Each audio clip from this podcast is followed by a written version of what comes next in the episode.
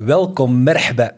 Welkom iedereen bij een nieuwe aflevering van Wahid Joush. Vandaag hebben we niemand minder dan uh, Mustafa Sadiq uh, bij ons. Mustafa, um, docent aan de universiteit of de Hogeschool van, de, van Utrecht uh, voor journalistiek. een stem die jullie misschien ook wel zullen kennen van Eurosport, de tijden van de Afrika Cup en het WK onder 17 heeft ook bij NOS gewerkt, maar vooral ook uh, zijn link met Atlas Lions. Heeft ook een heel lange tijd de pagina beheerd van Atlas Lions en is een kern van het Afrikaans voetbal. Welkom, uh, Mustafa. Ja, dankjewel. Uh, vet. En we hebben ook onze WK-ganger Ilias Scher, smaakmaker bij QPR. Ehm, ja, Ilias, dankjewel dat je, dat, je, dat je langs bent gekomen. Het was een, het was een lang seizoen voor u, denk ik, met de Afrika Cup, het WK dan een heel lang seizoen in de Championship. Eindelijk tijd voor vakantie, Jack. Ja, sowieso. En dankjewel dat ik hier mocht bij zijn. Uh, het, is me, het is een eer om hier te zijn naast deze twee legendes. Nee, super. Iles, uh, ja, laten we beginnen met, denk ik, het hoogtepunt uit de carrière. Als ik het voor u mag invullen, het WK. Hoe was het om, om, om, om, om onderdeel uit te maken van deze generatie die voor altijd zal voortleven bij ons? Bij, bij alle Marokkaanse supporters, denk ik. Hè? Absoluut. Hoe, hoe voelde dat? Ja, dat is uh, een onvergetelijk moment. Die, uh, die momenten die ik daar heb beleefd, um, dat is iets waar je als kind van droomt. Um, dat is iets waarvan elke Marokkaan van droomt. Het maakt niet uit of dat je er nu bij zit of niet. Uh, dat is iets waar, je, waar iedereen echt uh, naar heeft uh, toegestreefd en altijd wou doen in een WK spelen voor eigen land. spelers supporteren. Um, om het zo ver mogelijk te schoppen. Ik weet nog zelf dat ik grote supporter was van Marokko in, in Rusland. Ja. En dat ik wou dat Marokko de finale ging halen, snapte. Dus ehm, om het nu zelf mee te maken is iets dat ik nooit in mijn leven zal vergeten. En is iets dat ik zeker aan mijn, uh, aan mijn kinderen ga doorgeven. Inshallah. Want op welk moment had je echt het gevoel van, hier zit muziek in? Welk moment begon je er echt in geloven?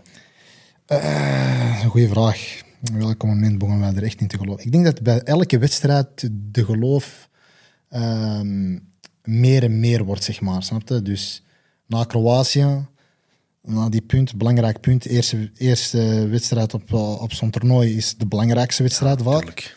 Uh, dus als je die verliest, ben je al op de backfoot, zeg maar. Moet al, moet al terugklimmen voor, uh, voor in die groep door te geraken. Maar uh, na Kroatië hadden we zo, oké, okay, we hebben onze base gelegd. En nu is op naar de volgende wedstrijd. En dat was België. En je weet dat... Je weet, voor mij was het een, een heel persoonlijk duel. Tuurlijk. voor mij was het een heel persoonlijk. En dan wonnen we tegen België. En dan op dat moment zeiden we van oké, nu kunnen we wel... Canada, uh, Canada dan? Ja. ja. Canada daarna, maar ik denk dat het tegen België was, omdat ja, België was de favoriet, samen met Kroatië. Wij werden er, wij werden er sowieso al uh, afgeschreven, Marokko was afgeschreven. En dat was, dat was ook een van de, uh, motivatie, motivatiemomenten van, van, van zeg maar, om... Hey, we hebben hier niks te verliezen. Krantenartikels ophangen en zo? Van, uh, nee, nee niet krantenartikels. Hij had het vaak uh, met video's en, en zulke dingen. Had, hij, had hij gezegd van, kijk, we zijn hier gekomen voor, het, voor gewoon ons, ons hoofd te laten zien en terug weg te gaan. Dat is wat de mensen denken. Dus, ja. dus laat, dit, laat iets zien, druk jullie stempel. Zet geschiedenis, maak geschiedenis voor, voor, um, voor Marokko. En, en sinds België eigenlijk werden maar zelfzeker. En als je van een topland wint, dan, dan, ja, heb je, ja, dan heb je het gevoel dat je van elk topland kunt winnen. Dus ja, dan zeiden we van Spanje, kom maar op. Portugal, kom maar op. Frankrijk, kom maar op. Snap je? Dus van dat moment eigenlijk was het echt... Ik zeg nergens paniek, behalve even in de wedstrijd tegen Canada. Had ik zo het gevoel van dat er zo'n beetje uh, de tweede helft tegen Canada. Toen merkte je dat er in de ploeg een beetje paniek begon in te sluipen. Ik weet niet of je daar naar kijkt, maar voor de rest had ik wel altijd het gevoel dat de spelers echt in zichzelf geloofden tijdens de wedstrijden. Ja, kijk, um, in ieder geval als, als supporter hadden we een beetje hetzelfde gevoel dat met name tijdens die wedstrijd tegen België, dat je echt de bevestiging had van oké, hier gaat uh, iets heel bijzonders gebeuren. Um, dat je die wedstrijd met 2-0 wint. En dat was ook het moment dat Greggy en denk ik ook alle spelers het uh, tweede doelpunt ook, um, ook, ook samen vierden. Ehm, ik kan me nog een etentje herinneren na die wedstrijd met wat ooms en mijn vader. En ehm, dat we een beetje stoer aan het praten waren van ja, in het voetbal heb je landen als Argentinië en noem het maar op. Toen zei een oom van mij, ja, dit jaar komt Marokko daar dan ook bij als echt wereldtopland. En toen waren we gewoon een beetje aan het lachen en hadden we helemaal niet door hoe ver je zou komen. Maar na die wedstrijd hadden we echt het gevoel van oké, dit is de bevestiging tegen Kroatië. Zou je nog kunnen zeggen van misschien mazzel of hè, het, is, het is een one-day fly, om maar zo te zeggen. Uh, ja, Boenu, uh, Amrabat natuurlijk ook van de lijn, natuurlijk ook Ja. andere uh, reddingen. Maar tegen België was gewoon die bevestiging van ja, hier gaat iets bijzonders gebeuren. En dat was denk ik het mooie. Om even terug te komen op jouw opmerking over Canada. Uh, ik denk dat de tweede helft dat, dat misschien heel veel spelers er nonchalant mee omgingen. Tenminste voor ons. Hè. wij kijken dan een beetje natuurlijk vanuit een helikopterview naar. Uh, dat ze echt heel nonchalant en dat ze dachten van ja, dat komt wel goed wat er ook gebeurt. Uh, we gaan sowieso door. Uh, ja, hoe beleefden jullie dat? Dus bij ons was het meer, dus we, hebben, we hadden Kroatië, gelijkspel, België wonnen we. En dan kwam Canada. En iedereen zei, dit wordt de moeilijkste wedstrijd van ja. de groepsfase. En je zet, die, uh, je zet die, die, die, die, die pressure op u zonder dat te beseffen, zeg maar. Snap je? Psychologisch bent je al die pressure aan, aan, aan het opwekken. Ah, tegen Canada wordt het moeilijk. Ja, dan gaat het inderdaad een moeilijke wedstrijd worden. Als je er zo zelf bij nadenkt, gaat het een moeilijke wedstrijd worden.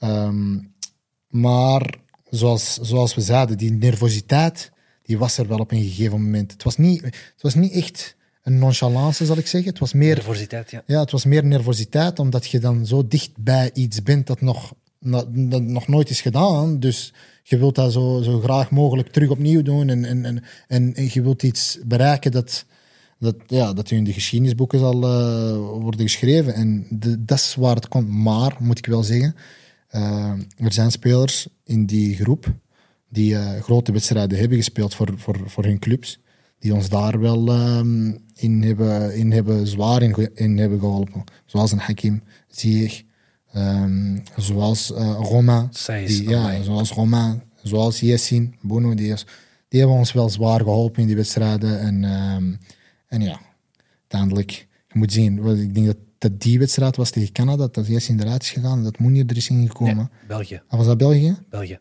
België was het vlak voor de wedstrijd tegen België. Nee. Maar het was ook, uh, het was op een bepaald moment, denk ik, minuutje 60 of 70, die bal van Hutch Hutchinson, die, uh, die denk ik tegen de lat gaat of in corner ja, gaat. Binnenkant die, lat, hè? Ja, binnenkant lat. Dus je komt er wel weg. dat, dat is wat, wat, ja. wat zei. Hij zei van, uh, de Romia, Cora, het poto je ja, precies. Maar het is wel de ontwikkeling die denk ik Marokkaanse elftal heeft doorgemaakt. Want wat je net zei van ja, als je gaat zeggen dat heel moeilijk wordt, wordt het ook heel moeilijk. Ik moet dan denken aan de wedstrijd die Marokko speelde in, uh, voor de WK van 2006. Moet je nagaan hoe lang dat geleden is. Tegen Kenia. Ja, dat stelde echt helemaal niks voor. Maar die, die uitwedstrijd. En een van die spelers had later in een interview gezegd: ja, die coach deed alsof het een militaire expeditie was, dat heel moeilijk was.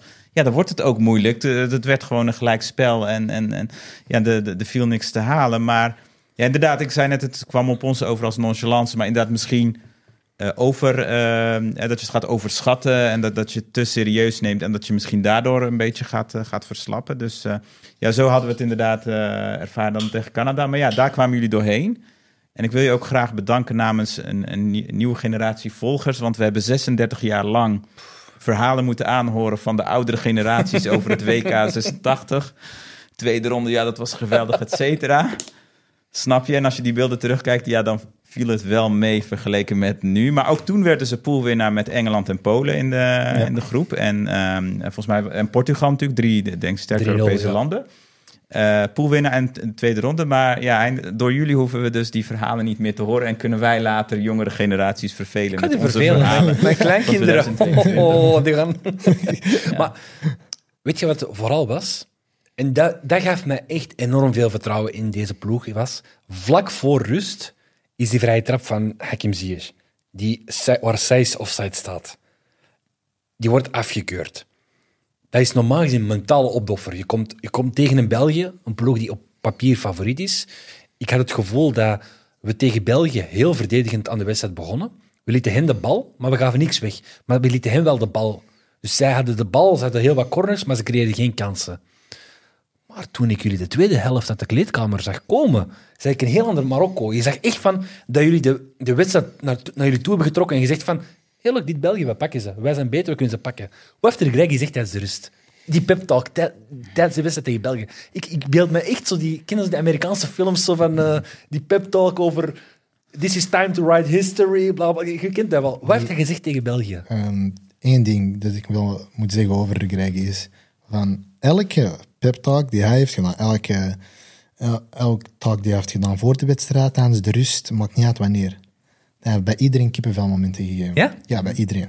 Bij iedereen. Hij, hij maakte u klaar voor iets eh, dat, dat, zelfs, dat zelfs het, eh, een WK-wedstrijd op dat moment niks uitmaakt. Snap je? hij, hij, hij liet u eigenlijk wijsmaken dat je leven of dood ging vechten voor je familie, voor je land.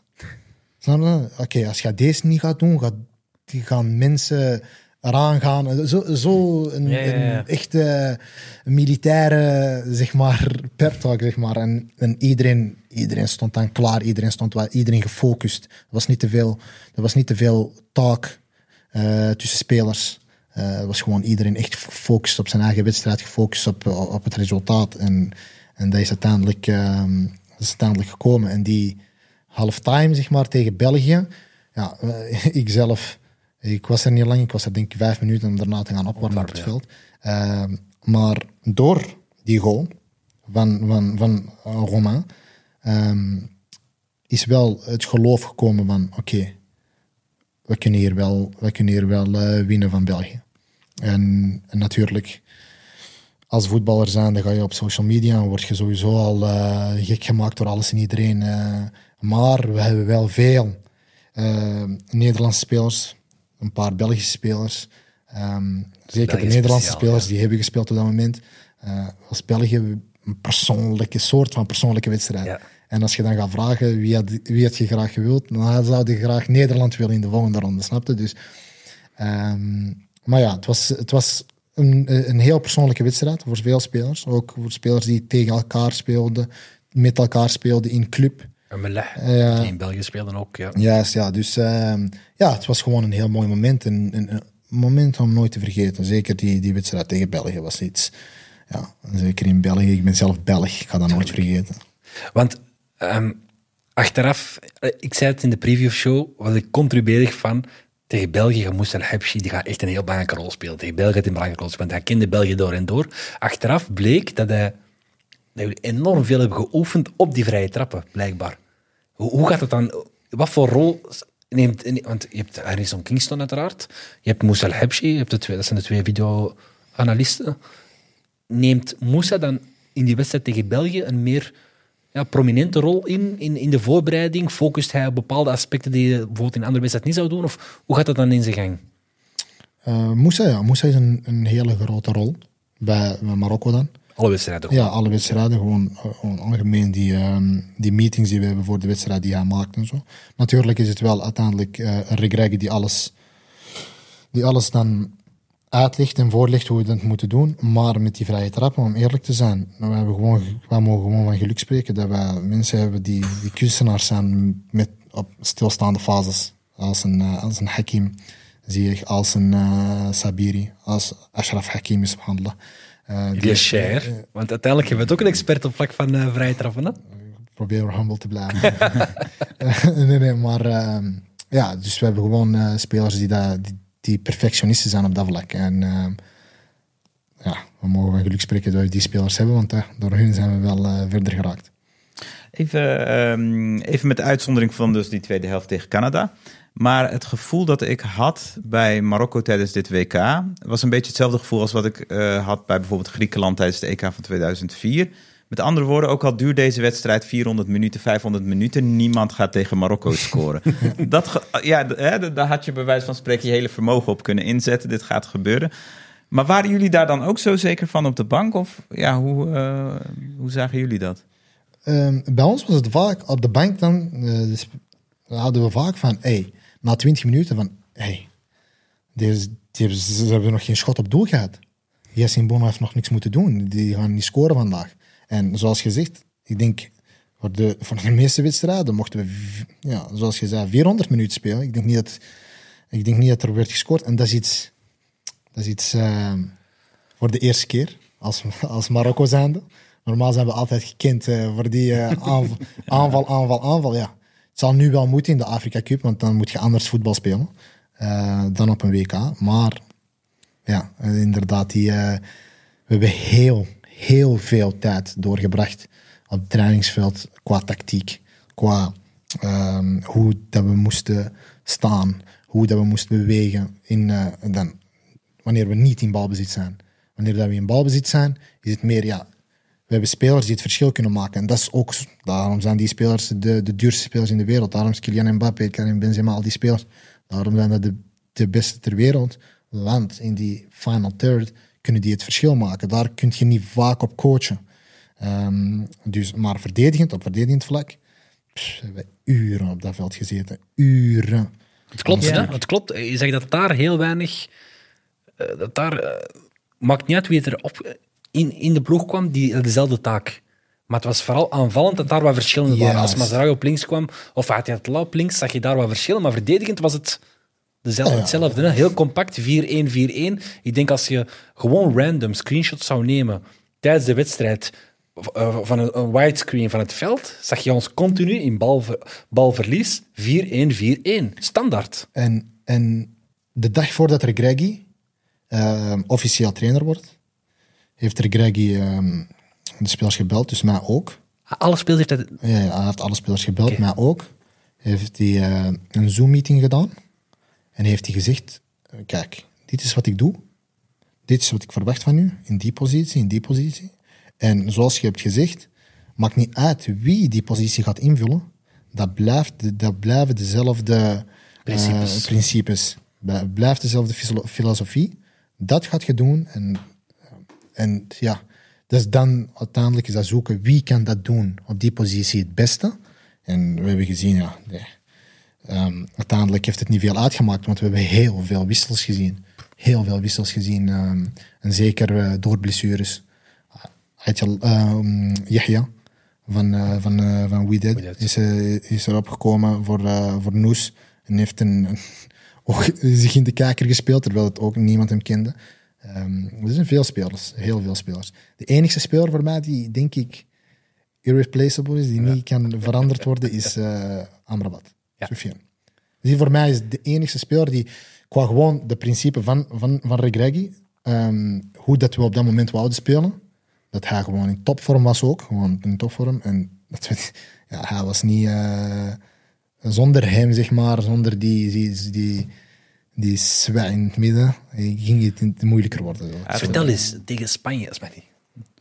Ja, nee, voordat we even naar Spanje gaan, waar ik wel eh, benieuwd naar ben, is. ehm, ehm, je hoorde wel eens in het verleden ook verhalen bij. ehm, in het kamp van het Marokkaanse elftal. dat ze de coach misschien niet helemaal serieus namen. of dat spelers in slaap waren gevallen bij de videobesprekingen. Eh, we gaan geen namen noemen en coaches. Maar ehm, wat ik me wel afvraag is. eh, jullie hebben grote spelers in de selectie die in Europese competities spelen. Eh, en dan komt zo'n Regragui met een tactisch plan. Regragui geen ervaring in, eh, in Europa als coach. Ehm, heeft hij dan al meteen het gezag en, en dat iedereen daarna gaat luisteren? Of heeft hij dat moeten afdwingen? Hoe, ja, hoe, hoe gaat dat dan?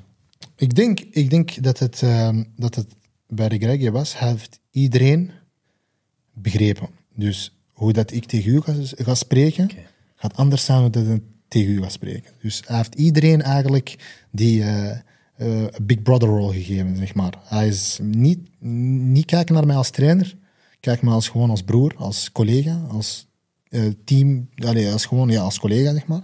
En zo is hij dan tegen u beginnen spreken. En bij iedereen was dat dan anders. Bij anderen had hij een harder aanpak dan bij. En, en, maar het ding is van Regragui, naast het veld is hij helemaal anders dan op het veld. Ik weet nog, ik weet nog tijdens het WK heb ik, eh, eh, heeft, heeft ja, Zaka een, een flesje, flesje water op zijn hoofd gekregen door Regragui. Omdat hij op dat moment boos was, heeft hij die op de grond gegooid. Hij is op zijn hoofd gekomen. En het is gewoon, die, die personality is helemaal anders op het veld van, eh, van, eh, Ja. van onze coach. En eh, iedereen, iedereen is- luistert ernaar, iedereen gaat ermee in zee. En zoals ik zeg, er is, het is geen jaloezie, geen... Al die dingen zijn er niet. Al die dingen zijn er die er vroeger wel waren. Ehm, heel veel respect naar iedereen toe. Heel veel respect naar de trainer, naar de coachingstaf toe. En zo zijn we gewoon, ja, beginnen vliegen. Ik wil nog even teruggaan op, op, op Amrabat. Hè. Tijdens die wedstrijd tegen Spanje, denk ik, heeft hij een hele nacht op de kinetafel gelegen met zijn rug. Heeft hij uiteindelijk de wedstrijd gespeeld met pijnstillers. Klopt dat verhaal of is dat... eh, Dat klopt, dat klopt. Ehm, en niet alleen Amrabat. Eh, Ashraf heeft, eh, heeft een, een, een zware blessure in zijn hamstring gehad. Roma heeft een zware blessure in zijn hamstring gehad. Naïef heeft een, een zware blessure gehad. Mazraoui? Mazraoui was uit met COVID. Een zwaar COVID, hè. Overnacht in, in het ziekenhuis. Ehm, en nee, Naïef was ook overnacht in... Naïef was ook met COVID. Naïef was geen blessure, maar Naïef was COVID. Uh, Mazraoui was COVID. Maar Mazraoui tegen Canada, oh, nee, tegen Kroatië is ook uitgevallen, denk ik. Hè, toen Ja, en- toen hij was op zijn ribben was gevallen of toen, eh, Ja, met die kans. Ja, ja, was hij ook. Maar dat is uiteindelijk... Was, was niks ernstig. dat was niks ernstig, maar hij was wel ernstig uit met COVID. Dat was, ja. dat was eh, allee, een, goede, een goede vijf dagen niet te zien. Ehm, hij, ging, hij ging bijna terugkeren naar, eh, naar, eh, naar huis. Ja, ja, ja. Hij Was tegen het Spanje of tegen was dat toen? Ik weet dat. Portugal, denk ik. Ja, Ja. Zoiets, zoiets. Het was een van de latere, latere Portugal, wedstrijden. denk ik. Ja, dat Ja, was, Spanje heeft hij wel gespeeld. ja. Portugal was het, ja. Had hij, in welke wedstrijd had hij, denk ik, 45 minuten gespeeld? Was dat eh, Spanje, denk ik? Of Portugal? Een van de wedstrijden had hij maar 45 Oké. minuten gespeeld, omdat hij niet meer kon. Hij kon dat niet meer. Dus hij had, zeg maar, dan vijf dagen niks gedaan. En dan de eerstvolgende dag dat hij terug uit quarantaine kwam, was het direct wedstrijd. Dus hij had die wedstrijd direct gaan spelen, zonder training, zonder niks. Gewoon, en dat was gewoon oh, niet, niet meer, niet meer oké voor de gezondheid, zeg maar. En, eh, en na 45 minuten moest hij... Naïef was Naïef juist hetzelfde. Hij had ook een hele week niet gehad. En dan tijdens de warming-up heeft hij gezegd... Na de warming-up heeft hij gezegd, nee, ik kan niet op het veld komen. Ja, Ah, ja, dat was tegen Frankrijk. Tegen Frankrijk ging Tegen normaal gezien starten. En dan is ofwel Dari, ja, ik denk Ashraf Dari, is toen gestart tegen Frankrijk, klopt. Ja, en dan Roma die na 20 minuten eruit Ja. gaat met een hamstring. En, en, en Ashraf die op één, één been zit te spelen, zeg maar. Ehm, ja, iedereen had wel knocks en bruises. Uh, Unahi was... eh, eh, Zijn eh, teen, hè? Ja, met zijn teen. Selim met zijn knie. Ja. Ik, zeg maar, heel subhanallah. Is echt... eh, echt we waren, zeg maar, iedereen was maar 50% fit. Snap je? Iedereen was maar 50% fit. Dus eh, ja, iedereen die, er, die erin is gekomen heeft gevochten voor zijn, allee, voor, voor zijn eh, eh, collega en voor het land. En daardoor zijn we, zijn we zover geraakt, gewoon door die, door die samenheid. Ja, zeker. Dat iedereen erbij wou zijn en dat iedereen voor zijn land wou strijden, klopt. Want ik heb mij laten vertellen dat er ook iemand vlak voor het WK een blessure heeft opgelopen. Ja. Tegen Georgië. Vertel Ja, eens daarover, Elias. Eh, zelf tegen Georgië een blessure opgelopen. Ehm, dat was die oefenwedstrijd dan in Dubai. eh, Ja. Die we hadden gespeeld. En die kwam er op, denk ik, de 60ste minuut. In de 62 minuut zat ik met een hamstringblessure. Ehm, heb ik de hele wedstrijd verder gedaan met die Met een hamstringblessure. Ja, met een blessure heb ik het erger gemaakt. Achteraf gezien moest ik er gewoon uitgaan. Eh, maar ja, als ik eruit ga op dat moment, dan gaat iedereen praten. Ah, we moeten hem vervangen, we moeten hem vervangen. Dus in, die, in mijn hoofd heb ik dan die klik gemaakt van, hey, ik ga hier niet uit. Ik ga gewoon het WK we weer over spreken. Dat is iets waar ik van heb gedroomd. En, ehm, dus ik heb gewoon verder gedaan, basically op één been. Kon niet meer sprinten, kon niet meer joggen. Dat was echt tanden bijten, zeg maar. Echt, eh, ja, de, de, de, de slechtste 30 minuten qua fysiek uit mijn carrière. Ehm, en ja, ben ik er doorgegaan. Daarna moest, eh, hadden we een pittig gesprek met de dokter en, eh, met de dokter en, ehm en Regregi dan. Van, eh, wat gaan we doen? Gaan, gaan we naar huis? Gaan we, gaan we hier blijven? En toen, ik zeg u, de Greg heeft gezegd, kijk, die eerste wedstrijd, dan moet je niet 100% klaar zijn. Voor de volgende wedstrijd heb ik u, heb ik u 100% nodig. Ook al heb ik de volgende wedstrijd niet gespeeld. Ik was gewoon voor, voor, voor mij gerust te stellen, zeg maar. Ehm, ook al zei mijn dokter in QPR, ah, hey, terugkomen jij. Want in QPR op dat moment zaten we in de playoff positions en die konden zich niet veroorloven om mij te verliezen dan op dat moment. Dus dat was ook een hele, ik zeg, hey, ik denk niet dat jij Once weet a over wat, ik denk niet Ja. dat jij weet over wat we hier spreken. Dus, eh, dus ja, heb ik ook gezegd van, mm, mm, als de trainer me hier wilt, ga ik hier blijven. Maakt niet uit wie wat zegt. Desnoods ga ik op één been spelen, dat maakt mij niet uit. Ehm, dus ja, alhamdulillah ben ik gebleven. Dat is de mooiste tijd in mijn eh, voetbalcarrière geweest. Wel een compliment dat Greggy er toch voor kiest, of toch uw belang daarin ziet, om te zeggen van nee, zelfs geblesseerd wil je erbij bent. Ja, ja. En, en het was hetzelfde met, het was hetzelfde met Zakaria, uh. Ja, Hetzelfde. hij was ook geblesseerd vlak ervoor het WK. Vlak ervoor klopt. was hij ook geblesseerd. En hij had een ergere blessure Twee dan mij. Ja, hij had een ergere blessure dan mij. Ehm, en, en ja, we waren alle twee aan het revalideren in Qatar dan. en eh, elke dag naar de gelijk, ja, we zijn klaar, we zijn klaar. Ja, hey, don't worry, we zijn klaar. eh, we, gaan, we gaan er 100% staan. Desnoods gaan we op 1B. En, eh, en dan krijg je dan op een, op een eh, sarcastische manier zeggen van... Nee, nee, ik stuur jullie wel naar huis. Rustig, jullie kunnen rustig genieten van het eten. Ik ga je wel eh, morgen of overmorgen naar huis sturen, zeg maar. Maar uiteindelijk eh, heeft hij gewoon gezegd tegen ons beiden... Ik wil dat jullie klaarstaan. Ik wil dat jullie 100% klaarstaan. En, eh, en uiteindelijk, alhamdulillah. Alles lukt hebben uiteindelijk. Ja. Ja, waar ik be- benieuwd naar ben, als we toch even een beetje weer de tijd een beetje vooruit kunnen zetten en toch weer eh, naar, eh, naar Spanje gaan. Eh, Er zijn heel veel discussies geweest dit WK over het trainen op penalties. Spanje, de spelers van Spanje moesten elke dag oefenen op penalties van Enrique. Louis van Gaal van Nederland had wetenschappers ingevlogen die, die speciale dagen organiseerden met keepers om, om te trainen op penalties. Nu zijn wij natuurlijk, denk ik ook wel, als ik voor jou mag spreken, Habib Vet, ook wel benieuwd hoe dat, dat bij Marokko ging. Bij ons is dat een, eh, een hele speciale. Eh, bij ons is het heel speciaal. Wij eh, maken wetenschappen op penalties. we maken wetenschappen met de Regregi. En dan, als je, vijf, als je vijf doelpunten scoort, geeft hij u 100 euro. Maar als je één van die vijf mist, dan geeft hij hem 500 euro. Zeg maar. Echt? Oh. Eh, uiteindelijk, uiteindelijk, achteraf gezien, is allemaal, niet, is het allemaal gewoon Kwijtgescholden. ja, ja, ja. Ja, Is, ja. eh, is, niet, is niet allemaal echt gebeurd. Maar eh, zo ging het wel. En dan die druk, die vierde penalty was wel hoog, snap je? En, en ja, niet iedereen deed eraan mee.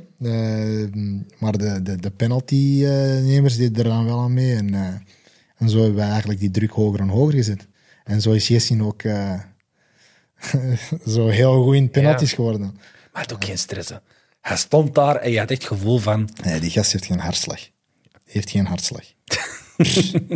Ehm, eh, ja, Ha- Hakimi ook met die, met die Panenka. Zie je met die streep. Zie je met die streef. ai. Ja, maar ook Hakimi, eh, dat was de belangrijkste penalty uit de geschiedenis van het Marokkaanse voetbal. Waardoor we dus die verhalen van 36 30 jaar geleden niet meer hoeven aan te horen. En dan doet hij dat gewoon met de Panenka. Dat was dus wat niemand had verwacht. Zijn eigen supporters niet, de Spaanse supporters, de keeper. Of, eh, of had iemand wel? bij jullie dat wel? Nee, Op training, man. op training al gezien of niet? Nee. Had dat nooit gedaan op training. Nooit gedaan op training. Nooit. Nooit. En hij zit altijd aan de penalty stip. En hij heeft ge- Nooit. met die wetenschappen, met alles nooit. Maar moet ik je wel zeggen, op dat moment is een Panenka wel het veiligste.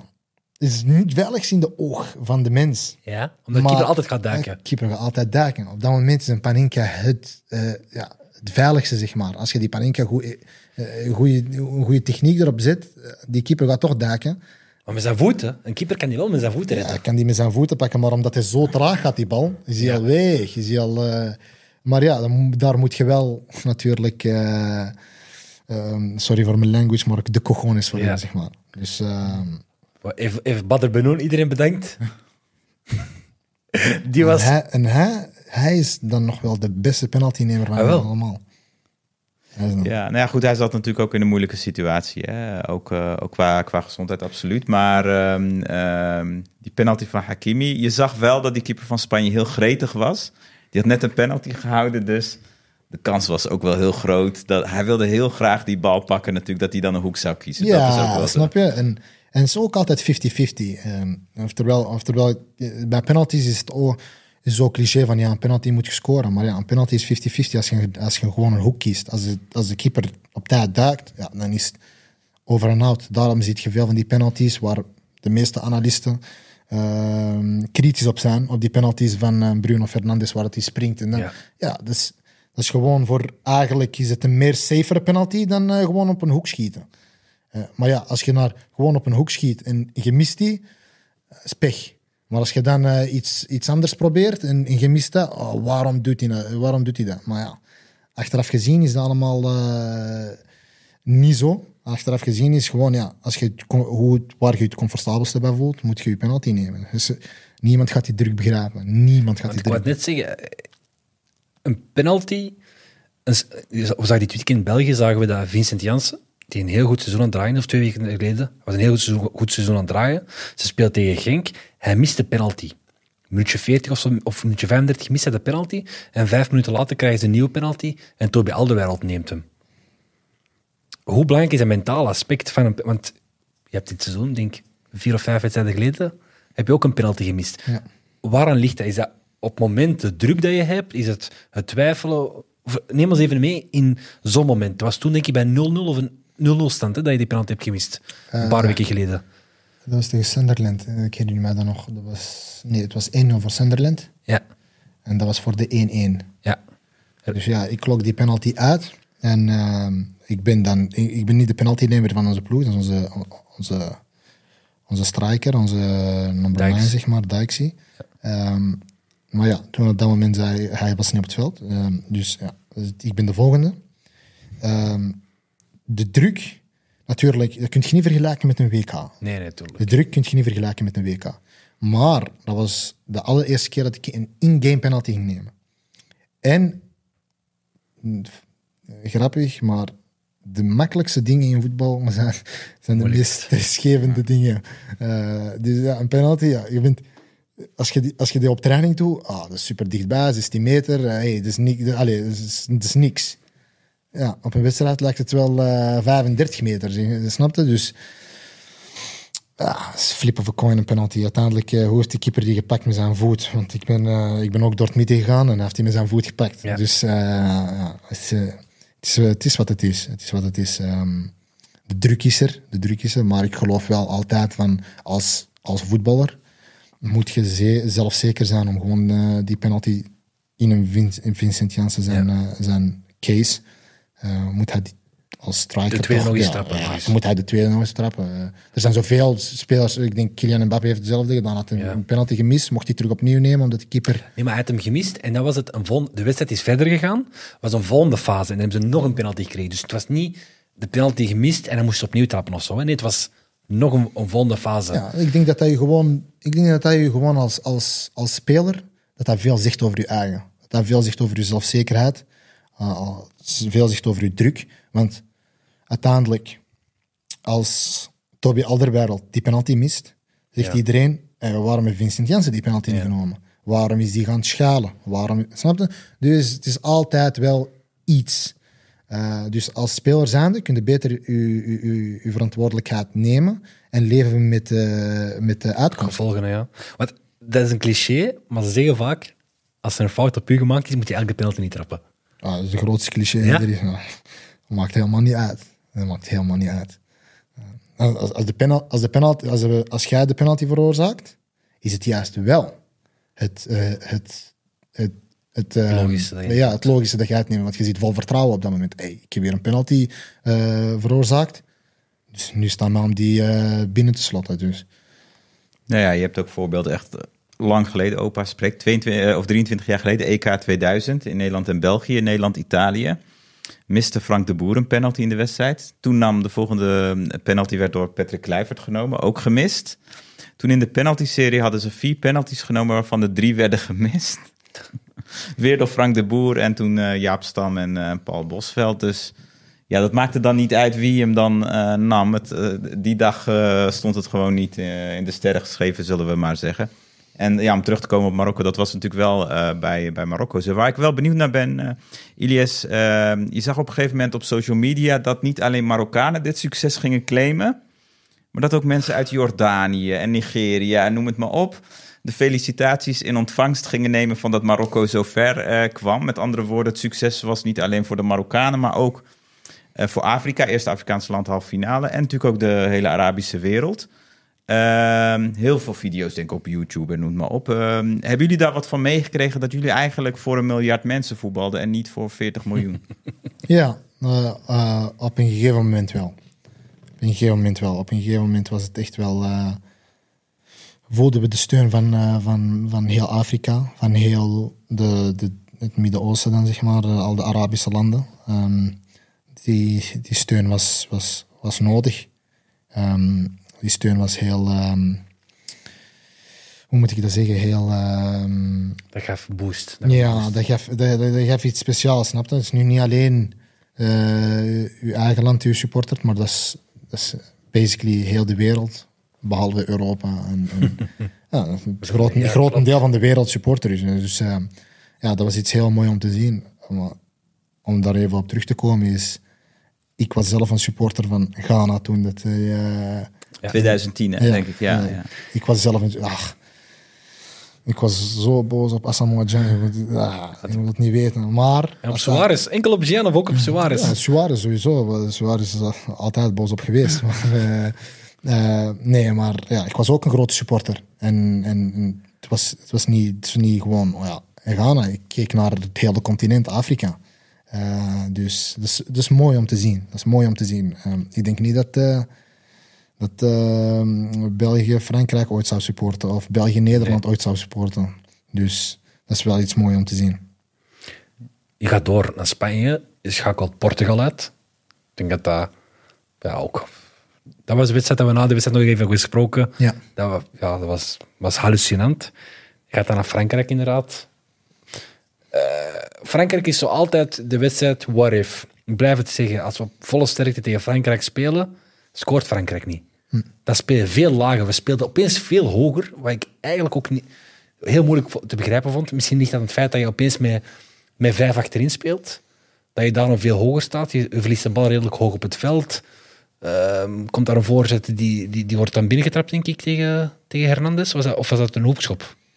Was dat die fase dat hij uitgeleid, denk ik? Of, of, of, of een pas van eh El Amir, die dan ehm Ja, wordt dat, diep eh, gespeeld.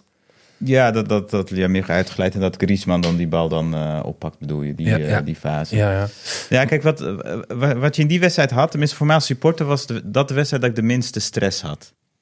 Ja. Want, Toch? ja, omdat, omdat toch je, je, je moet aanvallen. Dus, eh, nou ja, ik denk van ja, dus de spelers moeten het nu gaan doen. Maar, bij de, maar als je gaat verdedigen en voorstaat, heb je misschien, tenminste als supporter had ik dan meer stress dat je denkt van ja. Eh, je dat we staat, achterstaan al, je staat je? vol- ja, precies. Maar op het moment dat je dus voor staat, of in ieder geval gelijk en je verdedigt, dan voel je de druk, zeg maar, die op je komt. En als je zelf het doelpunt wilt maken, dan geef je natuurlijk druk. Zo kun je het als supporter ervaren. Maar hoe, hoe ervaren jullie dat dan op de bank? Heb je dan meer of minder spanning dan op dat moment? Ehm, tegen, tegen Frankrijk was het echt.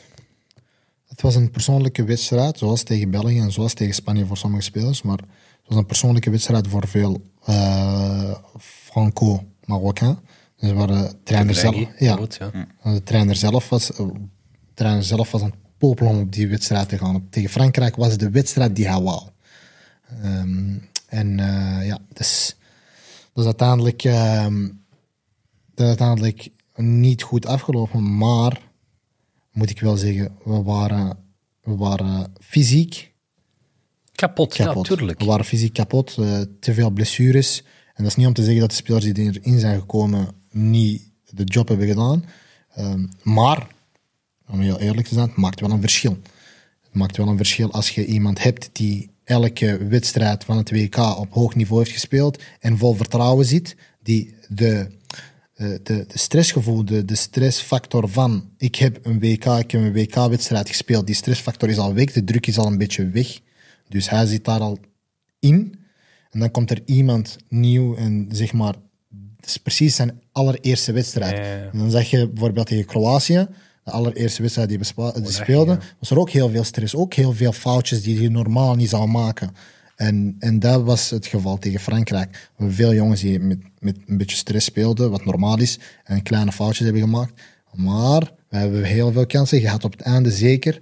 ehm, met ehm, met ehm Alhamdulillah. Die, Ali die, af- ehm, omhaal. Ja, die, de trap van Unahi, die kruller die Loris, Loris eruit haalt. eh, de enigste save die hij dit seizoen heeft gemaakt. Ehm, ja, dat moet toevallig tegen ons gaan dan. Eh, maar ja, ik- zoals ik al zeg, het, is, ehm, het, was, het was een mooi avontuur. Het was een mooie... Iets Ja, want, eh, moois wat laten te we ook naar, naar jouw persoonlijke hoogtepunt kijken. Want eh, dat kwam misschien daarna natuurlijk tegen Kroatië. Want toen maakte je natuurlijk ook je, je minuten. eh, en ja, heb, heb je echt op dat WK ook gespeeld. Ehm, ja, voor ons was dat ook een beetje een vreemde wedstrijd. Aan de ene kant wil je hem heel graag winnen. Aan de andere kant denk je van ja, als we hem verliezen is het op zich ook nog steeds een geweldig WK. Hoe, hoe heb jij dat ervaren? Want je hebt natuurlijk ook minuten gemaakt. Dus misschien dat jouw motivatie ook anders was. Ja, natuurlijk was... was, was ehm, ik, ik wou die wedstrijd heel graag winnen. Heel graag winnen. En ehm, iedereen wou die wedstrijd graag winnen. Om een bronzen, een bronzen medaille te pakken op een WK is nog altijd iets heel, is om op trots op te zijn. Natuurlijk, we zijn nu vierders geëindigd. We mogen nog altijd trots zijn. Maar als je met die WK, met die medaille naar, eh, naar, eh, naar huis zou gaan, is eh, natuurlijk iets, iets nog specialer. Ehm, maar ja, die wedstrijd was ook een, een, klein, beetje, een klein beetje anders. Ehm, het was gewoon, ja, de spelers waren, waren totaal niet fit. Ik denk dat we na Frankrijk, ik denk dat we twee dagen daarna moesten spelen. Nog, niet, nog geen 48 uur daarna, dat we direct al terug aan de bak moesten. Dus veel spelers waren ook gewoon heel uitgeput en mentaal heel uitgeput. Want het was, Ah, heel wel druk. mentaal. Ik moet zeggen, ik voelde, ik voelde echt. ehm, dat is misschien, misschien, misschien overdreven, maar ik voelde dat het geloof veel minder was in die wedstrijd. Of zo de, het, was, het was een heel vreemde wedstrijd. Het was echt een, je komt achter, daar is scoort aan. Maar ik had zo heel weinig het gevoel van. Ja, wij geloven hier allemaal echt in. Allee, dat is of, of, dat, wat ook logisch is. Je speelt een heel toernooi, je speelt op een bepaalde high. Je hebt alleen maar successen en je, kan je, eh, je bent fysiek uitgeput en je kan je eigenlijk eh, optrekken aan die successen. En dan krijg je die mentale opdoffer. En dan denk ik dat het begrijpelijk is dat het heel moeilijk is om, om op te laden. Maar zoals je zelf zegt, ik had ook zo ergens het gevoel dat het een heel andere spanning. Ik zat in het stadion, ik zat in stadion voor, stadion voor de wedstrijd tegen Frankrijk, ik zat in het stadion voor de wedstrijd tegen Kroatië. En ik merkte gewoon, het was helemaal anders. Wat logisch is, hè? Dat is mentaal is dat denk ik heel moeilijk te begrijpen, ondanks het feit dat je, dat je als natie, als Marokko zijnde, ehm, dat dat een topprestatie is dat je de halve finale bereikt. Ik kan me inbeelden, als je daar bent, wil je de finale spelen. Ja, het ding is ook gewoon, ehm, tegen Frankrijk hebben we eh, een mentale tik gekregen. ehm, waar wij heel moeilijk van konden, konden, konden recoveren. En zeker niet op, eh, op zo'n korte tijd. Waardoor wij, ehm, denk ik, één trainingssessie hebben gehad met de spelers die uiteindelijk eh, hebben gespeeld. Die, allee, we hebben niet echt fully kunnen recoveren van die, van, van, van die, van die wedstrijd, zeg maar. Want als je ging kijken na de wedstrijd in de kleedkamer, maar stil. En eh, achteraf gezien zijn we heel trots op wat we hebben gedaan. Maar je bent daar toch tot het einde. Ja. Kon beter eh, helemaal tot het einde gaan snappen. En achteraf gezien, ja, met McTavish, ehm, het, is wat het, het is wat het is. Ehm, ik zelf, die op dat moment geen minuut had gespeeld, geen, geen minuut had gespeeld, ik was zelf mentaal leeg. Ja, ja. Ja, ik had nog geen minuut gespeeld. Dus laat staan voor de spelers die daar elke wedstrijd eh, moesten spelen. Elke wedstrijd, na, el- na elke wedstrijd interviews moesten geven. Daar twee uur langer moesten blijven en al die dingen. Dus ik zeg u, het was, eh, eh, het was heel mooi. Maar natuurlijk, je hebt altijd die, dat tikkeltje van het kon, het kon nog meer, ja, ja, nog ja. meer zijn. Tuurlijk. Het kon nog meer zijn. Stel je voor, Marokko neemt een beker mee naar, naar Marokko. Nou ja, ik heb, eh hoe heet het, een vriend van mij die komt uit de Ivoorkust en die was echt bang op een gegeven moment voor de halve finale. Die zei van ja, wat, wat moet ik met jullie? Ik kan nooit meer in discussie met jullie aangaan als Marokko. dus hij zei, ik gun het jullie als Afrikaan, maar aan de andere kant, ja, dan, dan kunnen we nooit meer over voetbal praten, zeg maar. Dus, dus dat, dat was wel heel bijzonder. Aan de andere kant denk ik wel, eh, dit WK, zeker de spelers die vier jaar eerder ook hadden gespeeld, die ervaring die ze toen hadden meegenomen, want, want ze zaten er elke keer wel dichtbij, volgens mij steeds met een doelpuntverschil verloren. Ja. Ehm, die ervaring die ze toen hadden meegenomen, hebben ze nu meegenomen, waardoor ze wel van Spanje en- en Portugal konden, konden winnen. En ik denk dat dat heel erg belangrijk is. En ik hoop dat de ervaring die jullie nu meenemen, dat, dat je dat ook kunt gebruiken om gewoon echt een keer voor die prijs te gaan, straks die Afrika Cup in, eh, in januari. Eh, want dat is natuurlijk wel wat we eh, mogen verwachten. Of zijn we dan te veel verwend nu als, als supporters? Het is vanzelfsprekend, denk ik. Ik denk dat als je een halve finale op een WK haalt, dat je sowieso als favoriet wordt genoemd. Ehm, natuurlijk, op, op, op de Afrika Cup zullen je heel anders voetbal moeten spelen. De velden gaan niet meer hetzelfde zijn. Het klimaat gaat niet hetzelfde zijn. Scheidsrechters. de, schei- ja, de scheidsrechters gaan niet hetzelfde zijn. Eh, dus eh, het is wel een, het is wel een, een, een, een verandering die we, gaan moeten, die we gaan moeten hebben. Maar door die 2K, door de ervaring van het van vorige Afrika Cup. Zoals bijvoorbeeld bij mij was dat mijn allereerste Afrika Cup, mijn allereerste eh, WK. Dus er zijn ervaringen waar je van, waar je van weet, oké, bij een volgend toernooi, bij een volgend groot toernooi, kan ik met sommige dingen beter omgaan. Eh, Dus ik weet wat ik moet verwachten bij een volgend groot toernooi. Ehm, Een voorbeeld geven van iets dat je zegt van... dus bijvoorbeeld, zoals ik al, bijvoorbeeld zoals ik al eerder zei over die allereerste wedstrijd die je moet spelen. Die allereerste wedstrijd is de foundation van alles. Eh, Dus dat gaat sowieso een belangrijke wedstrijd zijn, no matter what. Maar natuurlijk, hoe dat je erin gaat in die wedstrijd is helemaal anders als je er eenmaal, eenmaal Ja, doorgegaan, snap je? Dus die, die allereerste wedstrijd, die druk die Marokko gaat hebben, ongeacht wat er nu ook gebeurt. Mochten we nu de volgende, eh, de volgende wedstrijden twee keer verliezen, mochten we tot nu verliezen tot aan de Afrika Cup, gaan we nog steeds de favoriet zijn. Ja. Dus we moeten gewoon eh, onze hoofdjes eh koel houden, beide voeten op de grond en eh, gewoon die, die Afrika Cup attackeren. En, en hopelijk kunnen we, kunnen we ons, de Marokkaanse supporters in Marokko nog eens omhoog liften. Want als je het hebt over het hoofd koel houden, dan denk ik ook met name van ja, hoe ga je het doen tegen een Noord-Afrikaanse rivaal? Want Marokko heeft volgens mij bijna in 20 jaar niet van een Noord-Afrikaans land gewonnen op een toernooi. Of dat nou al. De laatste keer was Algerije, volgens mij 2004. Eh, jij hebt een van die wedstrijden meegemaakt. eh, de vorige Afrika Cup kwartfinale tegen Egypte. Eh, je staat 1-0 voor, maar met name de Egyptische technische staf, Carlos Quiros, die begon echt hysterisch te schreeuwen aan de zijlijn. Heb je misschien ook wel meegekregen. Ja, hoe blijf je daar dan toch rustig onder, ook straks in, januari? Want je gaat straks geprovoceerd worden door Tunesiërs, Egyptenaren die daar ook heel slim in, in zijn. Ja, hoe moet je daarmee omgaan nu als topfavoriet? Maar ik denk dat nu elk land zo is. Als speel je tegen Comoren, gaan ze zeggen van oké, Marokko is de topfavoriet. Als we tegen Marokko kunnen winnen, hebben we, onze Afrika Cup gemaakt. Is onze Afrika Cup klaar. Als we van Marokko kunnen winnen. En dat is denk ik een, ehm, een ding dat in Afrika heel, ehm, heel persoonlijk is geworden met het eh, Marokkaans nationaal elftal. Ik denk dat elk land het hardste speelt tegen Marokko. Ehm, ehm, en ik bedoel met hard het, beste wilt spelen, Ja. Marokko echt wilt verslaan. Ehm, natuurlijk, wij, wij moeten gewoon onszelf blijven. We hebben, zoals ik al eerder zei, we hebben heel veel spelers met, met ervaring die ons wel, eh, wel verder zullen brengen. En natuurlijk jongere spelers met, eh, met heel veel potentieel die, die, die naar boven zitten komen, zoals een.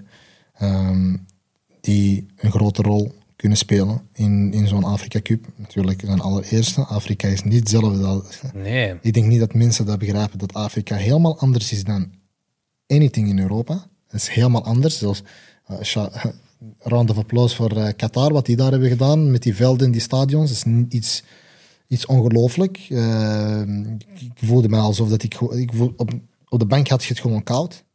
Door airco. Ja, door die airco, op de bank had je het gewoon koud. Dus Afrika is helemaal anders. En eh er wordt nu Evorcus, dus de hotels gaan weer anders zijn. Alles is niet meer eh, five star. Ehm, en natuurlijk geen disrespect naar, eh, naar die landen toe, maar het is wat het is. Ehm, en daar moet je met, eh, met, met leren leven. Ehm, maar ja, zoals ik al zei, om terug te komen op, het, eh, op de, die Noord-Afrikaanse landen, ik denk, ik denk dat we met deze trainer iets, ehm, iets heel moois mogen meemaken zolang hij er nog is. En zeker tegen zulke landen, want hij weet hoe hij de, de groep moet aanspreken op zulke momenten. Ehm, en om eerlijk te zijn, als ik ga vragen aan, aan spelers, wat is een, wat is een, ehm, een, een meer rivaal? België, Portu- Ja. eh, België, Spanje, eh, Frankrijk of een Algerije, Algerije, Tunesië of Egypte. Historisch gezien spreken we ja, natuurlijk die, die, die, die Noord-Afrikaanse landen zijn de rivalen, zeg maar. Maar dan voor de spelers zelf, in hun, zijn, eh, zijn hun echte rivalen, we zeggen, hun thuislanden. Ehm, dus ja, eh, wij moeten gewoon die, die, die, die motivatie, die, die, die, die hunger, die fight terugtonen die we hebben getoond in, in het WK. Met gewoon met, eh, met, met een aanvallend spel erbij. En inshallah dat het allemaal eh, in orde komt. Maar het is, het, is, het, is, het is... Ik kan het niet vergelijken. Het voetbal in Afrika kan je echt niet vergelijken met Nee. Nederland. Je speelt, je speelt tegen een, een ploeg als een, bijvoorbeeld een Malawi, waar dat je... eh, die ploeg, een slecht veld, ploeg, De bal. ploeg probeert niet te voetballen, opeens trapt die bal, die, eh, wordt er lang een bal gegeven of trapt er iemand van halverwege het veld, die goal dat je tegenkrijgt tegen Malawi. Dat is van aan de middenlijn, trapt die bal vanuit het wilde weg en die, en die vliegt in de goal. Dat kan enkel in Afrika, dat ga je nooit Weet in... je, weet je wat het is in Afrika? Ehm, als je een bal trapt, die bal is hetzelfde als in Europa. Ja? Als je een bal trapt, doet die bal zo van die rare bewegingen. Door de wind of dan? Of, of wat is Door de, de humidity, zeg maar. Ah. Doet hij zo van die rare bewegingen. Ook als je een pas geeft, die bal... Die, gewoon een normale, normale Dus gewoon pas. door de, door de vochtigheid en alles verandert. Alles verandert. Alles verandert. En Dezelfde bal. Eh, dezelfde bal. Eh, exact dezelfde bal. En, en alles verandert. En ja, de velden zijn ook anders. Gewoon, eh, het gras is niet te vergelijken. En, en iedereen die in Afrika heeft gespeeld, er zijn heel veel spelers hier in België die ook in Afrika hebben gespeeld, die gaan nu allemaal hetzelfde zeggen. Allemaal hetzelfde. Het is helemaal anders. Eh, het is veel moeilijker dan in Europa. Ehm, en daar in, in, in Afrika moet het echt hebben, moet het echt hebben van uw grit, zeg maar. En van de wil om te winnen. Eh, want ja, technisch gezien zijn we beter dan, dan voor mij 100% van Afrika. Ik denk dat wij het meest technische land zijn. Ehm, nu moeten we het alleen nog kunnen waarmaken met, eh, met die fight die we hebben getoond in, op het WK. Als we dat kunnen combineren, dan eh, heb je wel eh, iets moois. Het is anders. Ik, zeg, ik blijf erbij.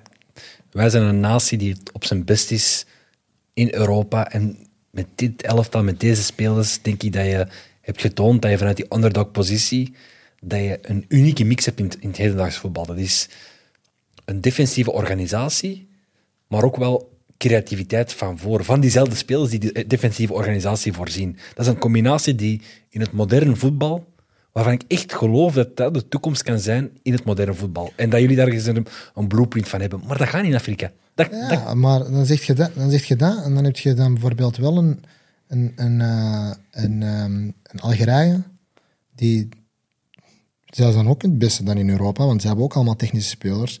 Die zijn ook niet het beste gemaakt voor Afrika. Met alle respect. Senegal, ja, is hetzelfde. Senegal heeft spelers, ja, ehm, maar nee, ja. maar ze zijn allemaal in Europa opgeleid en allemaal in Europa aan het spelen. Dus die, die, die, die, die excuses, dat moet eruit bij ons, vind ik persoonlijk. En dat moet ook uit bij, bij de spelersgroep zelf. Van eh, die excuses van oh, Afrika is niet gemaakt voor ons. Ja, Afrika is niet gemaakt, maak het dan voor, voor Ja. jezelf. En misschien is dat een persoonlijke visie van mijn eigen. Maar dat is gewoon hoe dat, eh, hoe dat we, dat is hoe we mentaal moeten ingaan in zo'n toernooi. Van, hey, Stop met alle, met alle gezever van, van oh, we zijn niet gemaakt voor, eh, voor Afrika.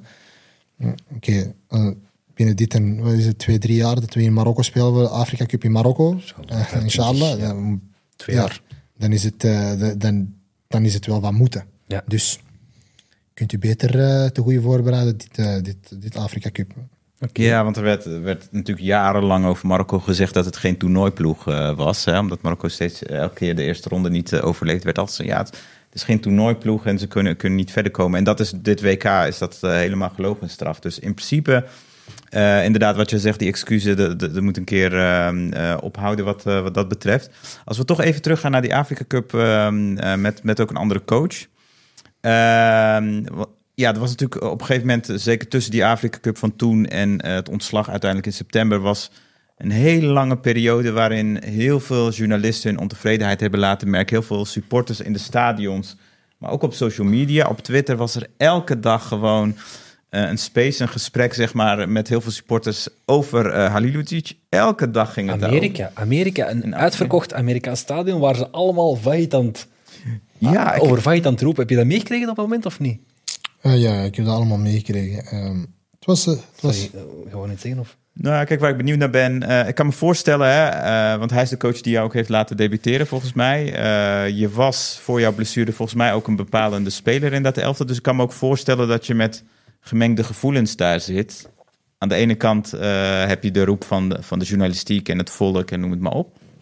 Aan de andere kant misschien je eigen beleving, dat het toch een persoon is die jou kansen heeft gegeven. Dus ik ben eigenlijk wel benieuwd hoe jij zeg maar, daarin zit in die, eh, ja, in die kwestie. Ja, nu, in, het, in het gemengde gevoelens heb ik totaal niet. Want ik vind persoonlijk, eh van je eigen kansen, dwing je, dwing je zelf af. Dus het maakt niet uit wie de trainer, de trainer is. Als, als, als je de beste bent op een trainingsveld, elke dag, dan ga je... maakt niet uit hoeveel die trainer u haat, maakt niet uit wat er gebeurt. Hij moet. Hij zal moeten. Ik zal zo hard werken, ik zal zo hard streven voor mijn plaats, dat hij wel zal moeten. Nu met, eh met. Hij heeft niet zoveel tijd gehad om de spelersgroep te zien waar we samen trainen. Het enige dat hij heeft kunnen doen is voorbereiden op het WK. We hebben tegen eh, Chili gespeeld en tegen Paraguay. Ja, we hebben ook niet vaak getraind. Door die international breaks heb je tien dagen waarvan je, waarvan je twee, twee wedstrijddagen hebt. Dus de dag voor de wedstrijd is het meer eh, gewoon ja, eh, hoekschoppen en al die, al die soort dingen ehm, in orde te maken, al die tactische dingen in orde te maken. En dan verlies je ook twee dagen, want sommige spelers komen een dag later aan omdat die op een zondag of op een maandag hebben gespeeld. Dus je hebt niet echt eh, de tijd om je echt voor te bereiden, om te zien op training, oké, hij is de beste op training, dus hem selecteer je. Nee, het is gewoon, oké, ik heb dit in mijn hoofd, dit ga ik doen. Dus dan moet je ook, dan moet je ook als speler inzien, dan moet je ook als speler kunnen respecteren. Ehm, nu ja, met Wahid, ik, heb, ehm, ik ga nooit, ik ga nooit geen respect tonen aan iemand die, eh, die mij een kans heeft gegeven. Dus ik heb enorm veel respect voor die man, omdat hij mij erbij heeft geroepen. Dat hij mij die platform van Marokko heeft kunnen geven. Ehm, nu denk ik wel, mocht, mocht het niet Vahid zijn geweest, ging het wel iemand anders zijn geweest, uiteindelijk. uiteindelijk. Ehm, eh, op, op voetballend vlak is er en Vahid is, eh, een wereld van verschil. Een wereld van verschil. En natuurlijk, met, met Vahid, hij kan niet echt... Zijn Frans is een beetje gebroken, hij kan niet echt Engels. Eh, dus die communicatie met die persoonlijke communicatie was er niet. Dus veel spelers hebben heel veel, ehm, heel veel kritiek gekregen. Onterechte kritiek. Omdat ze gewoon eh, een misunderstanding was tussen de trainer en de speler. Dus het was op een gegeven moment ja, een, een hele, een hele eh, drama voor een, voor een WK. En dat is weer al iets zo. da- daar begin je weer, typisch Marokko. Zoiets voor een WK een hele drama maken over, over een trainer. Maar alhamdulillah dat we, deze, dat, we die, dat, we die, dat we dat hebben op tijd opgelost.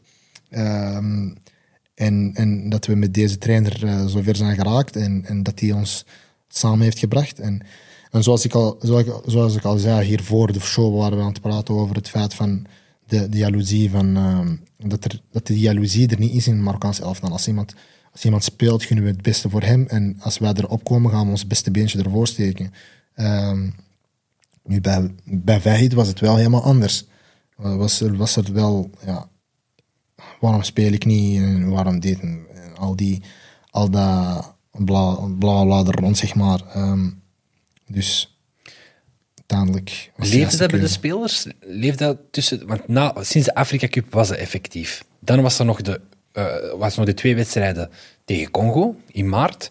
Dan had je in juni een oefeninterland tegen Amerika, een ramp genoemd kan worden. Oké, jullie hebben een lang seizoen gehad, je had een jetlag en alles, maar toen was er heel veel kritiek. Dan speel je nog een oefenwedstrijd tegen Liberia, Zuid-Afrika. Dan is er weer een hele zomer waar er eigenlijk tegenstrijdige informatie wordt gedeeld. Zoals eh, Mustafa zegt, de spelers onderling.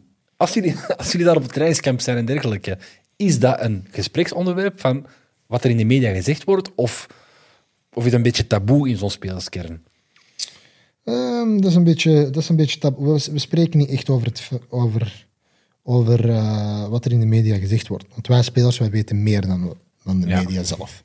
Dus wij gaan meer informatie weten dan wat de media weet. Natuurlijk, als er, je, je bent bezig in je club En uit het niets komt het bericht van de trainer eh, is ontslagen. Ja, dat, dat kwam ook eh, Uit het niks, echt. Uit het niks. Het is, het is niet dat we wisten. We, we wisten dat hij op een, eh, op een eh, heel, heel dun draadje was aan, het, was aan het lopen, zeg maar. En mm, voetballend niet. Nee. Het ging niet, het ging niet over voetbal. Het ging over eh, andere dingen. Het ging over, echt over gewoon menselijke zaken. Zie je Mazarawi, zo die zaken. Ja, dan. die, die, die, die, die zaken, die oneer. En als je dan naar zijn trackrecord kijkt, van wat hij heeft gedaan bij vorige, bij vorige landen, heeft hij juist hetzelfde gedaan. heeft hij de, de, de, de beste spelers eruit gezet en ja, heeft hij eh, spelers gebracht die minder bekend waren en heeft hij zo zeg maar, zijn succes geboekt, als je dat succes kunt, eh, kunt noemen. Maar ja, elke keer wel... eh, Vlak voor het WK. ja. Ja. vlak voor het WK de, de, de deur uit. Dus achteraf gezien, qua, qua resultaten, heeft hij gewoon, ja, de, de, de, de Egypte en eh, Amerika waren de, de, de, Dooddoeners. de, ja. ja. de dooddoeners, zeg maar. Zeker Amerika.